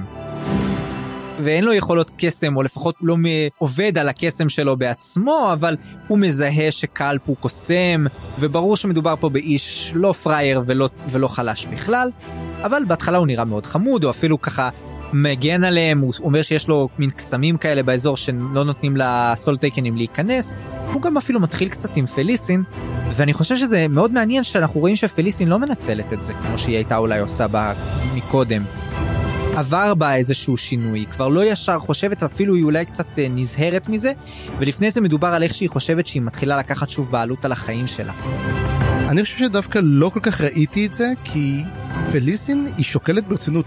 קודם כל הוא אומר, הוא, הוא מגיע, איך קוראים לו, הנוואל הזה, והוא אומר להם, אוי, תגידו, אולי יש שפחה? אני... בוא נדבר על כסף, כאילו. ואז ישר מה היא אומרת? לעצמה? אולי פעם, עכשיו כבר לא. כן, אבל שאחר כך היא אומרת, זה מה זה כל כך נורא? יהיה לי כריות ויהיה לי זה, ובאמת יכולתי למצוא לי גם הרבה יותר גרוע מזה. זאת אומרת, היא כן מחפשת את הפטרון שיעזור לה והיא כן שוקלת את זה. היא חושבת על זה בתור משהו, לדעתי, בתור משהו שלא. אבל, אבל עזוב, זה, זה עוד יגיע, עזוב את זה. הם, השינוי הגדול שלה עוד יגיע, אבל אני חושב שזה כבר ניצנים שלו, שאנחנו מתחילים לראות איזשהו שינוי בדמות שלה. כן, אני, אני חושב אבל שהדבר הכי בעייתי בקשר לבן אדם הזה, זה שנודף ממנו ריח של לימון. כן, אתה. אה, נכון, אתה צודק, אבל יותר מזה, מה שגרם לי לחשוב שמדובר פה בדמות מאוד מאוד בעייתית, זה היחס שלו למשרתים שלו. לבן אדם יש משרתים על מתים, שמה לעשות לא סותמים את הפה הם תוך כדי שהם עושים את מה שאת המצוות, מצוותו הם uh, מצוותיו יותר נכון. הם, הם קצת רוטנים קצת מספרים על החיים שלהם מדברים על מי הם היו הוא נותן להם שמות וכזה זה לא השם שלי השם האמיתי שלי היה סתום אתה אתה אתה, אתה מה שאמרתי שאתה. מתחבר למה שדיברנו מקודם על שמות וזיכרון נכון ו- כן. ודבר דבר כזה. שמע צריך להיות חתיכת בסטרד בשביל להתנהג ככה למשרתים האלמתים שלך לדעתי זה כבר זה מה שהעלה לי את החשד. אבל פליסין היא גם מתייחסת רע אליהם. כי מגיע איזה מישהו יושב לידה ובאמת לא איך אתה מתת? אוי איזה סבל היה לי. זה כמו מין תחשוב על איזה מין ארבע פולנים כאלו שיושבים לך מסביב. אוי כמה היה לי רע בחיים ובמוות איזה מוות היה לך? הוא היה סוער ועדיין רגוע הוא היה חזק ועדיין שקט כאילו הם כל הזמן מדברים וזה אומרת אני יכולה להבין באמת את נוואל אני גם כן הייתי רוצה שהם יסתמו את הפה.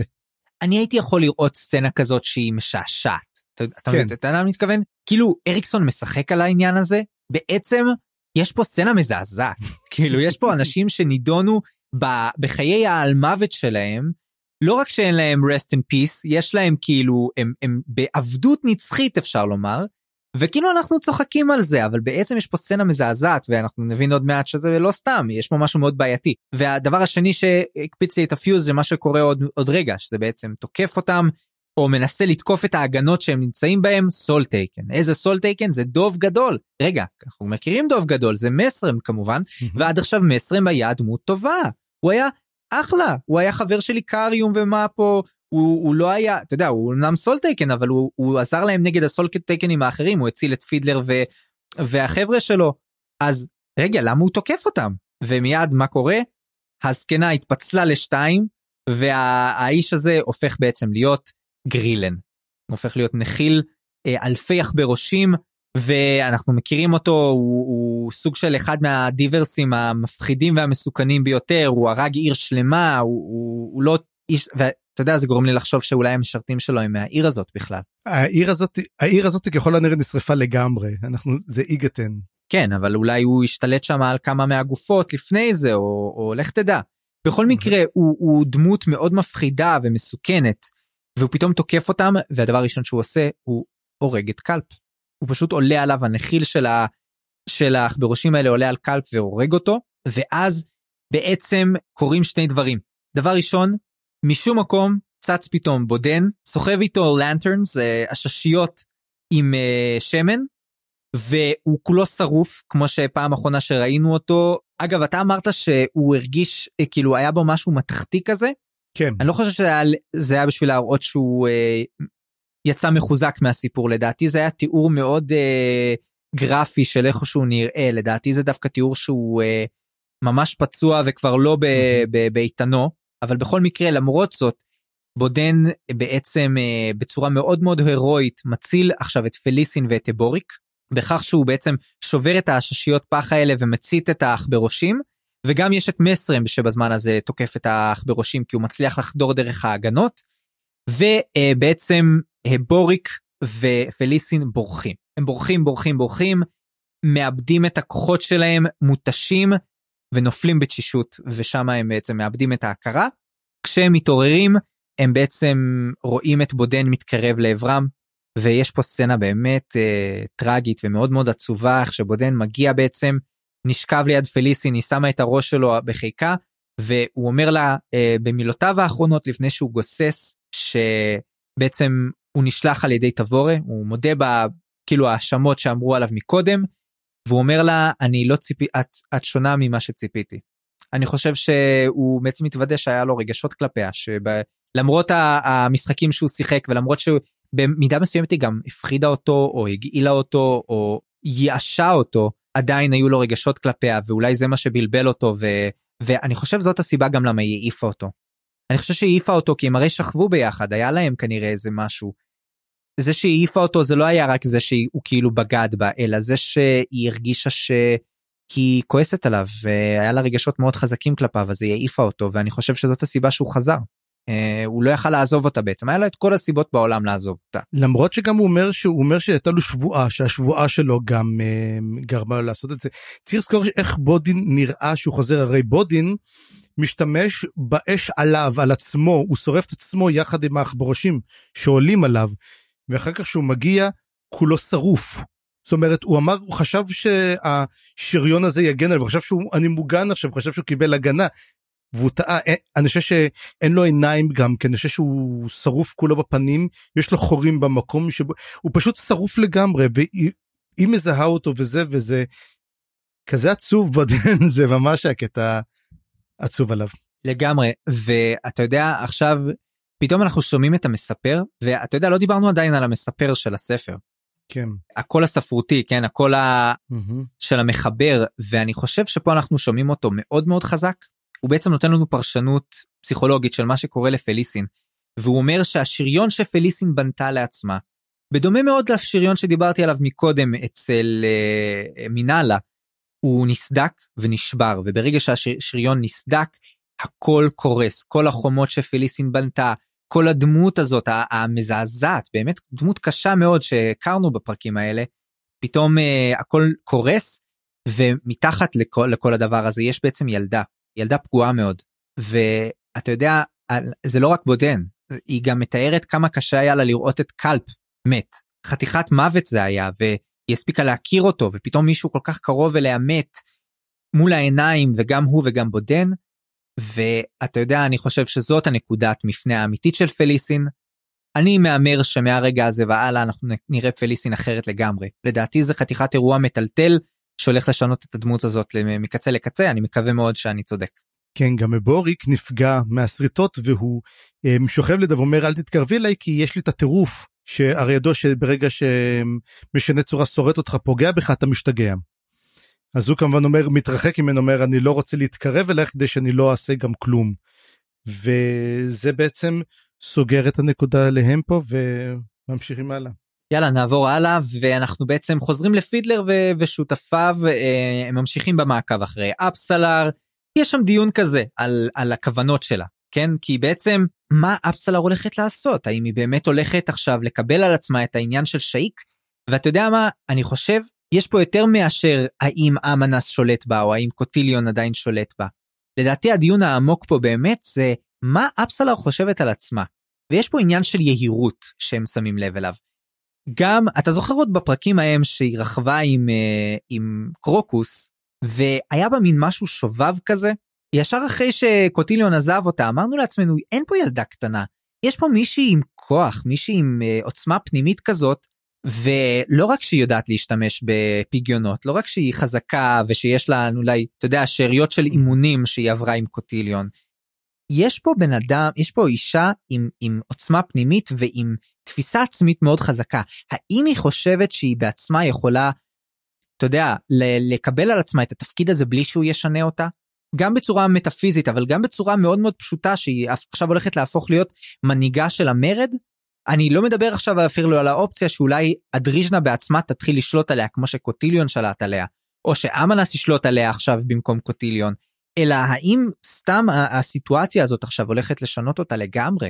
כאילו היא פועלת פה בסוג של אנרציה הנה הפנימי מאוד חזקים עכשיו mm-hmm. ואני חושב שזה דיון מאוד מעניין אבל זה בעצם כל מה שיש בקטע הזה. כן. אה, שוב. אני חושב שכל הקטע הזה הוא נועד קצת כ... אני לא רוצה להגיד אבל כמסיח לקראת סוף הספר זה מין טריק ספרותי כזה אתה רואה בעצם דבר אחד זה כמו סרט שאתה רואה דמות מגיעה מרחוק ואתה לא יודע מי זאת ויש לנו את האופציות ואז אנחנו רואים את ואז פתאום יש את הטוויסט. ואני חושב שכל הצנה הזאת נועדה בשביל הטוויסט הזה. בסדר אז בוא נעבור באמת לטוויסט. אנחנו עוברים לסצנה הבאה והסצנה האחרונה של החלק הזה של הספר אנחנו עוברים ללאומן וטובלקאי שלא ראינו אותם כבר הרבה זמן. מהסוף החלק הראשון. נכון מאוד. לאומן וטובלקאי אני מזכיר זה השומרים של שאיק שאחרי שהיא מתה אחרי שהחרבות האדומות התנגשו בה הם נשארים לצידה ובעצם הם מאמינים שהיא אוטוטו הולכת לחזור אבל אני לא זוכר אם הם אמרו פה כמה זמן הם עומדים ומחכים צפריר. מאז שהיא מתה. שכמה זמן עבר מאז? כמה חודשים. כן. מה הם מה הם עומדים שם מחכים לה גם הטובלקאי וגם לאומן. כמה אפשר כבר לחכות? לא זה לא זה לא פשוט להם. הם מחכים שהיא תיוולד מחדש. הם מחכים שהיא תיוולד מחדש אבל הם הם כבר ממש שבורים. זה כן. זאת אומרת הם כבר לא הם כבר מאבדים תקווה מאבדים אמון הם כבר uh, מתכננים מה הם הולכים לעשות. טובלקאי אומר שהוא הולך ללכת לאזור של הג'אגו דן, אה, שזה גם אזור מאוד מאוד קשה, ולאומן אומר, אני לא יודע מה אני הולך לעשות, אבל הם כבר ממש רגע לפני ללכת, בוא נגיד את זה ככה, וברגע האחרון הם מסתכלים לתוך המערבולת, ומתוכה מגיחות שתי דמויות. אישה צעירה, שמזכירה להם מאוד את שייק, איך שהיא נראית, ואיש מבוגר. הם מדברים, פונים אליה, לאומן פונה אליה, והאם את היא? הוא שואל אותה, היא אומרת לו, כן, זאת אני. והיא אומרת לו, ותעזרו לי לסחוב את האיש הזה. אנחנו לא יודעים אה, מה בדיוק קרה לו, אבל כנראה שהוא היה באפיסת כוחות, או שהוא היה פצוע או משהו כזה. היא אומרת לו, רק תיזהר, אל תיגע לו בידיים. וברור, מבינים כמובן שמדובר באפסלר ומשרת, או אבא שלה. והרמז הכי חזק פה, קודם כל אנחנו יודעים שהיא הייתה בדרך לפה, אבל הרמז הכי חזק פה בנוסף על כך זה כמובן הידיים שלו שהוא הרי קיבל את הידיים מ... אה, או לפחות את אחת מהידיים מאמנס נכון? אני אומר דווקא הפוך זאת פליסין ובוריק למה צריך להיזהר מהידיים אל תיגע בידיים של בוריק. וואלה. וואלה ואתה רואה אריקסון עבד גם עליך כי ראינו אותם הולכים וכל המטרה הייתה בעצם מסיח שאתה רואה את, את אפסלר ואת אבא שלה ואתה מצפה לראות את אפסלר ואת אבא שלה ופתאום מגיע פליסין ובוריק. כן you got me אבל אבל אבל כן אני חושב שזה אריקסון בנה את זה מאוד יפה את ה... הוא לא אומר לך מי זאת. הוא לא אומר אגב אגב יכול להיות שאני טועה אני בטוח אבל שזאת פליסין ואני חושב שזה מראה את הנבואה הישנה איך שפליסין תהפוך להיות בעצם מה שהם ראו שם. אני נוטה להסכים איתך אני חושב שאתה צודק ואני טועה אבל אבל זה מאוד יפה שיש פה מקום לוויכוח ב... אתה יודע בסצנה שהיא אולי הקליף הנגר הכי רציני פה mm-hmm. שכאילו משאיר אותנו מה הולך להיות הרי בכל מקרה בלאו הכי יהיה מדובר פה בקליף הנגר מאוד רציני אנחנו גם עם זאת אפסלר כמו שזה מתבקש מה, בצורה פשוטה כן מאיך שהדברים התנהלו עד עכשיו כן. זה מאוד מתבקש שהיא תתפוס את המקום אבל אתה יודע מה וואי אם פליסין עכשיו תופסת את המקום זה שונה לגמרי ועכשיו אני אעלה תיאוריה קטנה אם זאת פליסין והיא הולכת להפוך לשאיק אולי זה השינוי שגורם לה לכתוב את הקריאה לצללים. אולי היא הולכת להיות uh, בשליטת אמנס או לפחות תעבוד איתו בקנוניה או משהו כזה? אני לא יודע אני חושב שהיא תהיה בשליטת דרישנה לא תהיה שתהיה בשליטת אמנס אם כבר. השאלה עצמה תמיד אומרים כאילו אתה יודע אומרים שהעולם עוצר את הנשימה ומישהו יוצא מתוכו באמת הסערה מסתיימת ופליסין יוצאת ואומר יש לה את אותו אש בפנים זה אותו דבר אומר היא נראה זו אותו הנשמה השאלה האם דרישנה נכנסה כבר אליה או שלא. זאת השאלה ו... אבל כן מה שעצוב כי אם זאת פליסין אז בודין לא איתם וזה אומר שהוא לא שרד. אה בוודאות שבודין לא שרד הוא מת עליה. זה כל כך עכשיו עוד יותר עצוב ואמרתי אולי הוא שרד. לא לא לא לא לא היה לי ברור שהוא לא שרד אתה יודע על מה עצוב לי אבל על הארק של פליסין. אם היא בעצם בשביל מה בזבזנו את כל הארק הזה המטורף שהולך לקרות בזה שהיא הולכת לקבל שינוי כזה רציני ו- ו- ושההגנות שלה נופלות ויש לה הזדמנות להתפתח ולצמוח מתוך הטרגדיה. ופתאום אה, מה היא הולכת להפוך להיות אה, אלה כאילו מה הקטע הזה. מה אם כל הסיפור פה בעצם שאתה צריך לזכור כזה דבר וזה זה הרעיון שלי הרי מה מה הבעיה פה בעצם? למה זאת פליסין ולמה מה היא פתאום? היא ילדה נכון? אמרנו שהרי היא ילדה. ומה הייתה המחשבות שלה לפני שהקים את כל ההגנות בנסיעה ובכל דבר? הייתה לה נקמה אחת דבר אחד לעשות וזה נקמה. היא רוצה לנקום בתבורי והדרך הכי טובה לנקום בתבורי זה להיות שאיק אני חושב שהיא פה הוא אומר לה זאת את נולדת מחדש ואז היא צחקה ואומרת כן אני באמת אה, שאיק היא יודעת שהיא לא. היא יודעת שהיא לא שאיק באמת, אבל הוא רואה את האש, היא באמת חושלה במדבר בכל המסע הזה, והיא אומרת כן, אני בעצם באתי מחדש ואני הולכת להרוג את אבורי, אני בעצם הולכת אה, לחסל אותה בראש הצבא, שעכשיו יש לי צבא. וואו, אוקיי, אז uh, זאת הזדמנות טובה נראה לי לעצור כשאנחנו כן. מסיימים בעצם את החלק הזה וצפרי זו פעם ראשונה אני חושב שהתחלנו וסיימנו חלק שלם של הספר בפרק אחד של הפודקאסט. לגמרי and let's not do that again. כן זה היה קצת uh, נכפה עלינו אבל אבל אני חושב שזה דווקא היה יפה. Uh... כן. טוב כי זה, זה, זה נתן לנו לראות בעצם חלק שלם שהתחלנו אותו וראינו התפתחות דמויות ראינו התפתחות של עלילה. וזה ממש יפה לראות איך הגענו מפליסין אמ, ואת כל הדמויות ולא יודע היה ממש כיף. היה ממש כיף אני אגיד לך בנימה אישית אני זה, זה היה החלק האהוב עליי עד כה זאת אומרת אה, הפרקים פה במיוחד של דייקר ו, וכל הסיפור ו, והלור ששזור פה קראתי את זה והקשבתי לזה בנשימה עצורה באמת היה לי ממש ממש מעניין. כן. וזהו לעת עתה. בפעם הבאה נעסוק בפרקים 15 ו-16 ונתחיל את שערי בית המתים, החלק הרביעי והאחרון בספר שערי בית המתים, הספר השני בסדרה. אני חיים גורוב גלברט. אני צפרי גרוסמן, מזמין אתכם להיכנס לבלוג שלי על עולם רומח הדרקון. כנסו לאתר fantasybooksreviews.home.blog או חפשו מסע בקרין בגוגל. תוכלו ליצור איתנו קשר בפייסבוק או במייל מלאזן קורא פה שטרודל ג'ימייל נקודה com. עריכה וסאונד חיים גורוב גלברט.